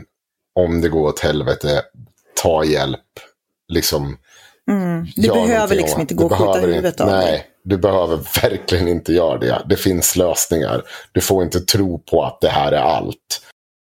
Och eh, där någonstans, det, det tror jag på. Eh, att det får vi behålla. Det är just det där att kombinera de här två olika rollerna. För de, de har... Det finns bra i det både. Mm. Mm. Vad säger du Axel? Ja. Ja, visst. Nej, men det... Eh, jag, jag tänker inte säga samma sak som ni redan har sagt. Jag håller med. Nej. Men Ja. vad, är det, vad är det där citatet som jag inte kommer ihåg förra gången heller? Men liksom, jag önskar att jag hade självförtroendet hos en medelmåttig man. Ja. Liksom. Eh, Det är väl lite så. Alltså den här det jävla bravadot. Vilket är jävligt bra för att man blir liksom man vågar göra saker och man vågar kasta sig ut och vägra fråga efter hjälp. Och ibland är det jättebra, men det kan också bli jävligt jobbigt när det inte funkar som man har tänkt. Jag skulle nog säga att det är många gånger sämre än vad det är bra. För att det där liksom... Man, man ska inte överskatta sin egen förmåga. Det, man ska inte underskatta den heller. Men det gäller att ha realistiska förväntningar på sig själv och på verkligheten. Och på Mm. Men människor om vi gör om det citatet då? Eh, Om den vi här om det till. Jag, eh, jag Ja. önskar jag hade självförtroendet hos en medelmåttig, eh, en vad säger, medelålders man. Men också eh, eh, självinsikten om att det kan gå åt helvete och jag behöver söka hjälp. Mm. Men det är ju någon typ Oj, det var inte så jävla klatschigt. Men jag kom på det nu. Nej. Rullar inte riktigt av tungan. Men det var, innebörden var bra. Ja, det är bra. Ja, men självförtroende, självförtroende är ju aldrig dåligt. Eh, Däremot det här liksom bravadot kan ju vara dåligt. En annan ganska kul grej eh, som jag vet att vi gjorde förra gången, det är ju det här med olika, ni ska lista era, eran eh, minst favorit, vad fan är motsatsen till favorit? Ert största hatobjekt när det kommer till manstyper. Jag vet att nu har Axel redan varit inne på det här lite grann. Med, Mm. Jag antar att det här är samma svar som förra gången. De här männen som kan väldigt mycket. Mm. Mm. Jag skrev ju en lista. Mm, just det. Gjorde jag inte det? Jag är så jävla duktig. Mm. Wow, vilken grej. Jag tyckte att det var lite intressant att göra olika mansklasser. Ja, jag hade ju... Ja, vad ska man säga? Jag har tre stycken här. Fragila män, traditionella män och kännande män. Mm. Eh, Utveckla. fragila män, det, det, det definierar jag som de som har varit jävligt jobbiga de senaste två åren. Och så här, ja, nu kan man väl inte ens hälsa på en kvinna utan att... Blir man ju antag- anklagad för våldtäkt. Ja, Men, fan, sluta! Sluta vara en sån jävla tönt! Bara Mm. bete dig som en normal människa.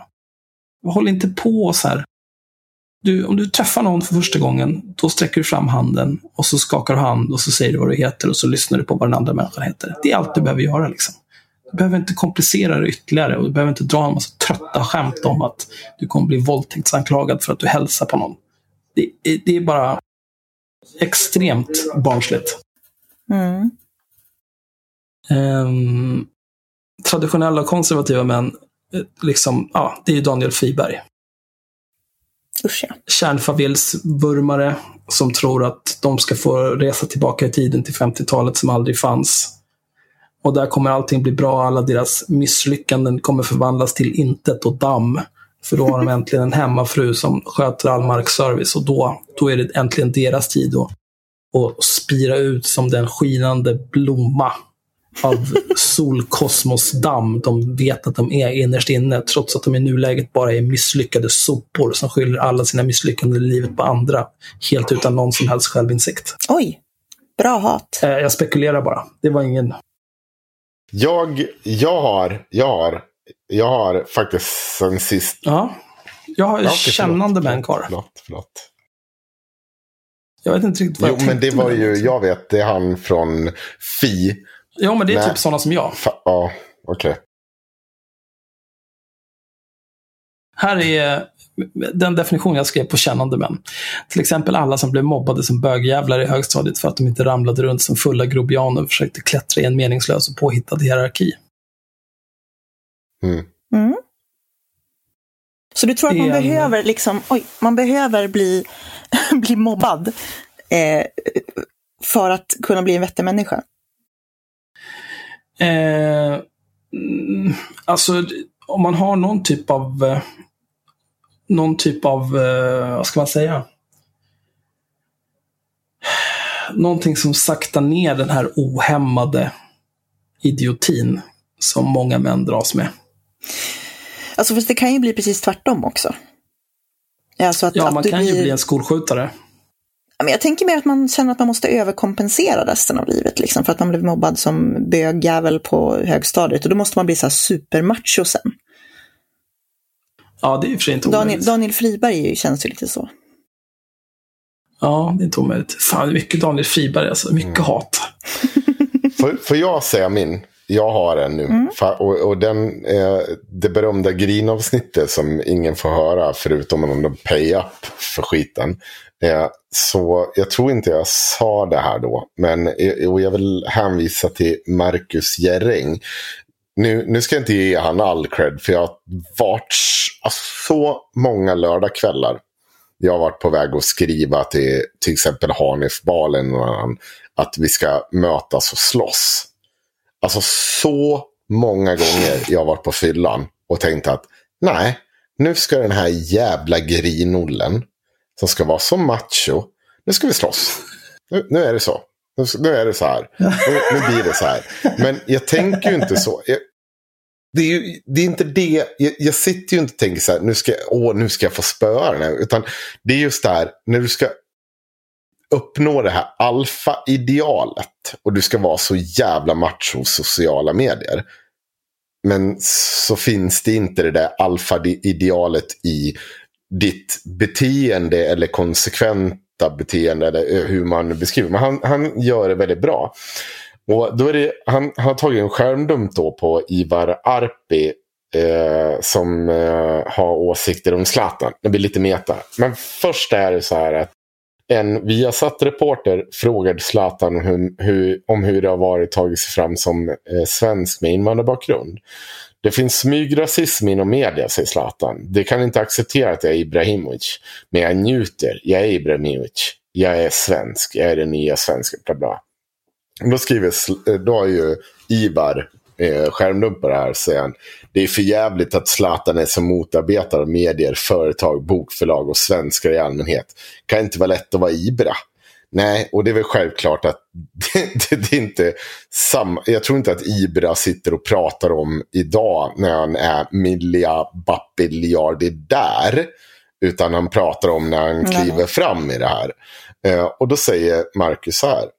Hur orkar man böla så här mycket och samtidigt försöka framstå som någon slags manlig alfaman av gammalt slag? Jag får inte ihop det. Det är att vara jättesvensk man med stor medieplattform i PK-genussamhället som är svårt. Tycka synd om rätt män. Den som är fett alfa och går på gym och snackar om konservativa värderingar och samtidigt gnäller som barn hela dagarna. Läs Jordan B. Peterson. Finns ingen logik i stringering alls. Otroligt. Min bild av bra manlighet är en helt annan eh, de, än dessa dudes ideal. Men i den där alfahannevärlden måste det vara eh, måste det vara kränkt, eh, kränkt trå, tårfuktigt, offerkofta, vara svagt och sjukt omanligt. Jag fattar inte. Och obs, det gäller inte bara vederbörande, det gäller bara en massa exempel. Så många män som håller på så här nu, alltså helt obegripligt säger han. Och jag håller med. Det är, det är fullkomligt obegripligt att kunna sitta där, vara skitstödd i hela dagarna. Och så får man en pissig kommentar. Eller två, eller tre. Och så grinar man som ett litet barn. Jag får inte ihop de här Men två det där är ju bilderna. ganska vanligt. Vi, vi pratade ju om, om det där, precis det där med gällande Erik van der Heg också. Ja. Att han är ganska dålig på att leva upp till sin egen, sina egna krav på manlighet. Svenskhet var det. Ja, Ja, Svenskhet förlåt, var det. svenskhet. Ja. Jo, men det är, men det är samma typ av, samma typ av, av dumheter. Jo, ja, absolut. Det, det är exakt samma det där att en så här är en svensk, så här är en man. Men, men jag har så jävla svårt för Hanif Bali som sitter och ska vara så jävla macho och prata om alla eh, de här batikhäxorna och dittan och dattan. Så kommer någon och säger så här, du är en husplatte. Och han bara, nej, nu tänker inte jag, nej, det här var det värsta som har hänt mig. Nu är allt åt helvete. Mm. Mm. Nu ska jag grina ögonen ur mig över i en månad. Men alltså, du sitter ju och låter så här dag ut och dag in. Det handlar inte om det handlar inte om öga för öga, tand för tand. Men det handlar ju om att, alltså så här, kan du sitta så här? Hur kan du, inte, hur kan du samtidigt sitta och grina över det goda hatet? Mm. Men hyckleri är ju en återkommande, ett, en återkommande diskussionspunkt. Och den finns ju även hos de här manliga männen. Men jag förstår vad du, alltså jag förstår det, det, vad du säger. Det är ju ganska, det är ju ganska anmärkningsvärt att, att eh, de här reaktionära konservativa männen samtidigt är såna jävla Ja, liksilla. det är- de borde ju inte Det vara det, det. det är därför jag sitter och reagerar så att jag vill bara skriva kom så slåss vi. Inte för att jag vill slåss utan för att ja men kom igen då. Det här är dina ideal. Ska vi inte göra det då? Nej, nej då vill jag nej, men så, så här, Du fattar ju att dina ideal leder fram till. Det är ju det här det leder fram till. Att du måste vara macho-übermannen som ska slåss.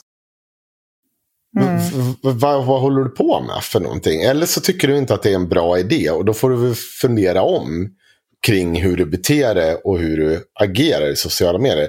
Nu för övrigt sitter jag nästan grinar över det jävla papercut jag fick av att rycka ormunkar i min trädgård idag. Alltså, min manlighet.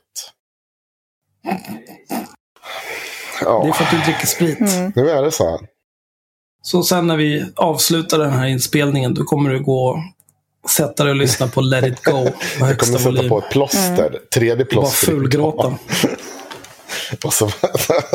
Nej men för Vad var det vi sa? Nu får du inga fler precis. plåster. Nu får du sluta. För en, en, dag kommer du, och lägga precis, dig. en dag kommer du bli impotent och, impotent och krascha din Audi A7, Ja. eller hur var det? Mm. Ja, det, det kan inte komma fort nog den tiden alltså. Fan vilken glädje. Ja. Ska vi, Det är bara Audin kvar. ska vi hoppa in på det, den bästa beskrivningen av manlighet någonsin? Och ehm, Vad fan är det för något? ja, det är ju Katerina Janouch. Och nej. Nej, Alltså vi har ju två timmar redan. ja, jag vet. Men jag tycker att vi kan ta det, för det ska klippas ner lite. Ja, Alltså. du har ju sprungit iväg 40 Ja, gånger. precis. Så det egentligen är det ju bara en halvtimme podd vi har här. Jajamensan. Ja, läs lite Katarina. Eh, den jag läste förra gången, menar du? Men det är så tråkigt att göra det igen. Alltså det den roligaste med är den bra, var ju den är att hon hade... jättebra. Den är faktiskt helt Ja, men sinnessjuk. det får, folk, får väl, folk får väl bli patrons så att de får höra när vi läser den. Då. Ja, det är faktiskt sant. För det. Nu räcker Vi det. kan ju inte liksom ha dubbel-content. Nähä. Nu har vi försökt. Kan inte bara ge dem en liten hint av det? Nej, Nähä. de får inget. Nej, jag- Det enda Katarina de kan få, det är att Katarina har delat en tjurbild på Twitter. Mm. Eh, med, den är från SSU Helsingborg. Spännande att SSU, SSU Helsingborg har en fet ottomansk minaret på sin profilbild på Twitter. Är det så man skapar ett bättre Helsingborg? Och då har de, ja, då har de en bild på Helsingborgs rådhus. Mm. som har ett inte, torn. som har ett torn som inte är en ottomansk minaret. Sen Eh, hittade jag ännu roligare. jag Kolla i ja. chatten. Ja. Men det här är Den ju kan du också, få läsa. det här, eh, Katarina Janouch har ju också problem med det här med könsroller. Mm. Då, när hon insåg att hon har gjort bort sig igen. Då, då för en gångs skull så var det inte en Hanif Bali rakt in i kaklet, utan då tog hon bort det här tweeten har jag förstått. Mm. Hon har ju blockat mig så jag vet inte. Hanif Bali, den det- i kakan, han har tagit bort allt som sin partiledning och kommer och sagt åt honom att nu är du för efterbliven. Bete dig. När, när husse rycker Ja. i kopplet. Mm. Men då har Katarina Janouch skrivit så här. Man fattar ju att sköna snubbar-gänget lackade ur över minaret-tweeten. De associerade väl snabbt som ögat till egen utebliven minaretresning i brallan. Känsliga grejer det där. Hela metoo-klubben av potentiella kvinnohatare på rad. Räcker att kolla in deras profilfoton. Alltså hon är så jävla störd. Verkligen helt galen. Och jag, jag tittade lite här på Katarina Magasin. Här finns en text som eh, har den här rubriken. Flyktingindustrin sponsras av Mastercard och kan ni gissa vem den mer sponsras av? George Soros. Soros. Soros. Soros. Hon har börjat med Det- Soros-konspirationer nu. Nu är hon ju nazist. Det har hon gjort länge. Nej, hon är judinna. Hon, nej, hon kan inte vara nazist. Hon är judinna. Absolut. Mm. Och sen är det någon Luai Ahmed här som har skrivit Sluta mobba Sverigedemokraterna. Vi är lika mycket värda som alla andra. det där är ju också en intressant grej apropå så här mansrollen. Sverigedemokrater är ju konservativa. De vill ha traditionella könsroller. Eh, de gillar inte homosexuella och så vidare. och så vidare. Men ändå så drivs det här narrativet att de är mobbade. Mm. Och så här, sitter och grinar som små barn också. Bara. De är inte mobbade. De andra partierna vill bara inte ha med dem att göra. Förutom kollaboratörerna i Kristdemokraterna och Moderaterna förstås.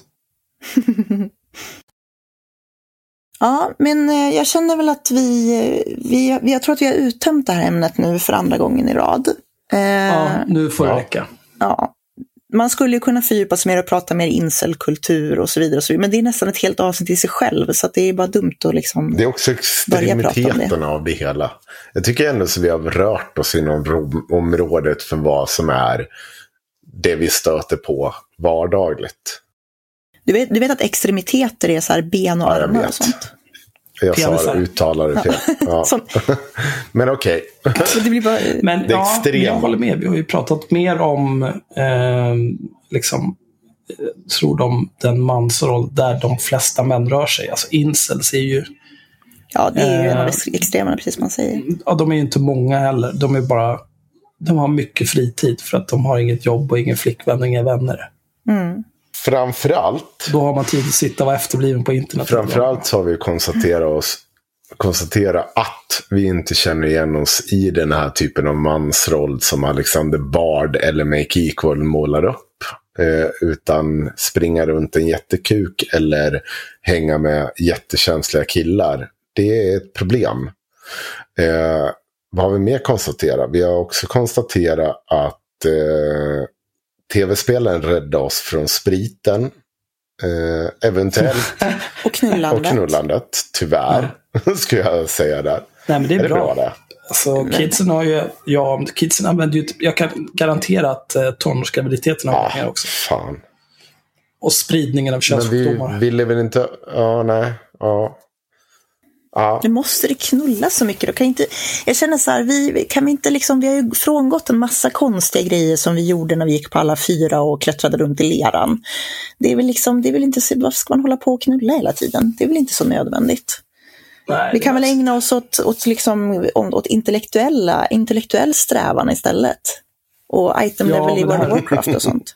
Precis. Alltså det här förströelseliggandet, det är ju, är ju till del, delvis för att hålla ihop familjeenheten. Minska ångesten och sådär. Men det behövs ju inte längre. Vill du minska ångesten, då spelar du dataspel och du kommer inte loss från din familj ändå, för ni har delat bolån. Ni är fucked.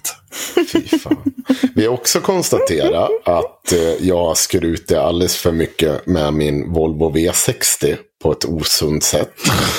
Och att Hanif Bali måste man up och möta mig i en boxningsmatch. Annars kan han sitta ner i båten och hålla käften på Twitter. till sist så har vi konstaterat Alex, eller Axel som han egentligen heter, har bott ihop Som med en man de senaste 15 åren och fortfarande hävdar att han inte är bög. Jag bor Ja. också ihop med en man. Jo, jo men Jag det är din bror. Det hade bara blivit Ja. jätteäckligt. Det hade varit Ja, det lite hade varit konstigt. Du är fan inte Nej. liberal. Ja, men precis. Och två det, det råttor. bevisar ju det är- Du, det är ju liksom att du de är är... också män. Ja, det är ju antingen jävligt... De har, större, de har ju större pung än vad ni har. ja, jag har sett dem på bilder. Ja. Den där pungen. Ja, det- det, alltså Ja, det råttor, fantastiskt. att de hade en sån framhävan, alltså framträdande pung. Det visste jag inte. Sjukt bred pung. Nej. Väldigt mycket i den andra råttans ansikte också. Det hade jag... Där är konstigt. du såg det. det där, ja, den såg jag. Och den, Björn, det Björn, bara- var jätte, Björn var jättefascinerad av hur stor pung de hade Ja, det... när han var här. Alltså, Han var så här, och så tänker man att det finns djur som heter pungråttor. Mm. ja, jag klippte ju Axels pung när han var liten för att den ena pungen inte ramlade ner. Ah. Och det var... Så inte du personligen va? Nej, nej, inte jag Alltså- personligen. Du, du gick väl till en veterinär? veterinär. Ja, nej, de Men jag ska faktiskt kastrera, jag ska faktiskt kastrera Oskar också. Varför det? Eh, därför att alltså, dels så blir de lugnare och dels så, eh, alltså de, generellt med typ med husdjur så är det ju så här, precis som med män, att de blir mycket lugnare och snällare om man drar ner, om man liksom kastrerar dem. Och då, det sliter också, då, då har de inte lika jobbigt i livet. Liksom, för att handjur som inte liksom får para sig kan ju bli lite hysteriska. Så för att avsluta dagens eh, haveristerna så är det bara kapa pungen på alla Japp. män så blir vi mer jämställda. Tack Ja. och hej från oss.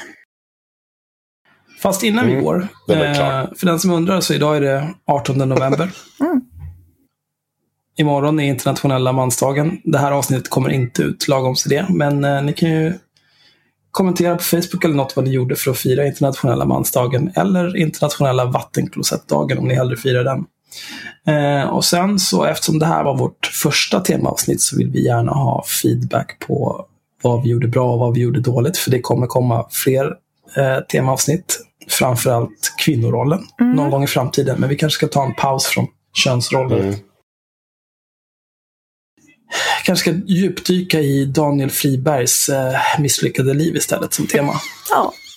Vi, har ju, vi fick ett förslag på Facebook här att vi istället för att göra liksom så Agnetas nyårskarameller så ska vi göra det bästa av Katarina Janouch från det gångna året. Oj, i slutet på ja, men det är året. väl klart. Ja, det gör vi. Eh, och det tyckte jag var ett lysande förslag. Ja, det är inte dumt. Eftersom det, är- vi, det är ett återkommande tema. Så att jag tänker att då listar vi liksom eh, det bästa. Men då har, då har vi ju verkligen gett upp. Alltså, för då är ju... Alltså då, nu, vi har ju använt mycket content från Katarina Magasin. Det är ju en halvtimme per avsnitt i snitt. Skulle jag säga.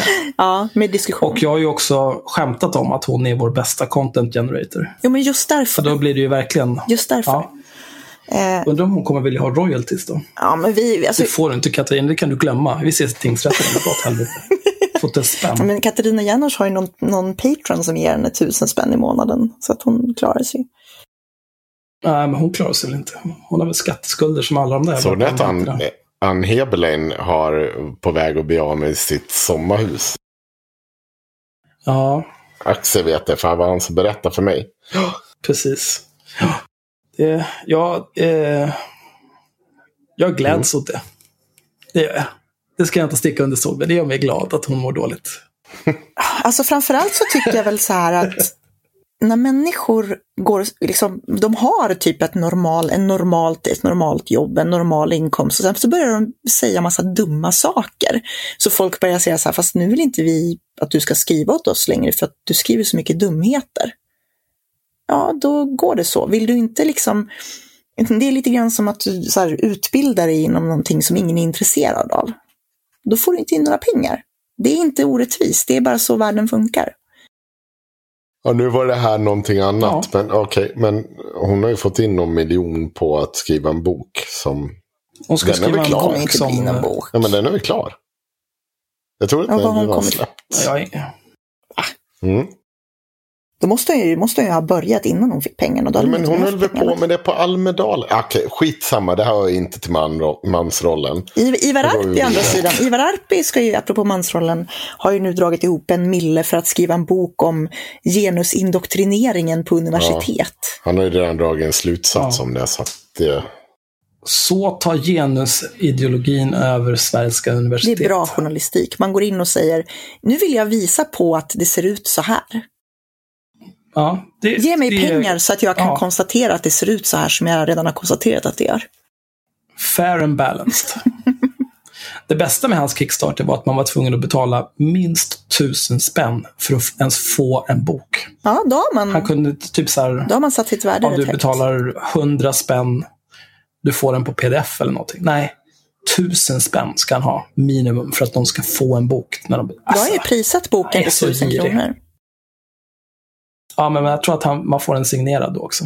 Då har han prisat sin egen, säg att en vanlig bok kostar så här typ 200-300 kronor. Om det är en tjock bok, det kommer det inte Ja. vara. Det kommer ju vara en sån Daniel. Friberg-size eh, med typsnitt eh, liksom 18,5.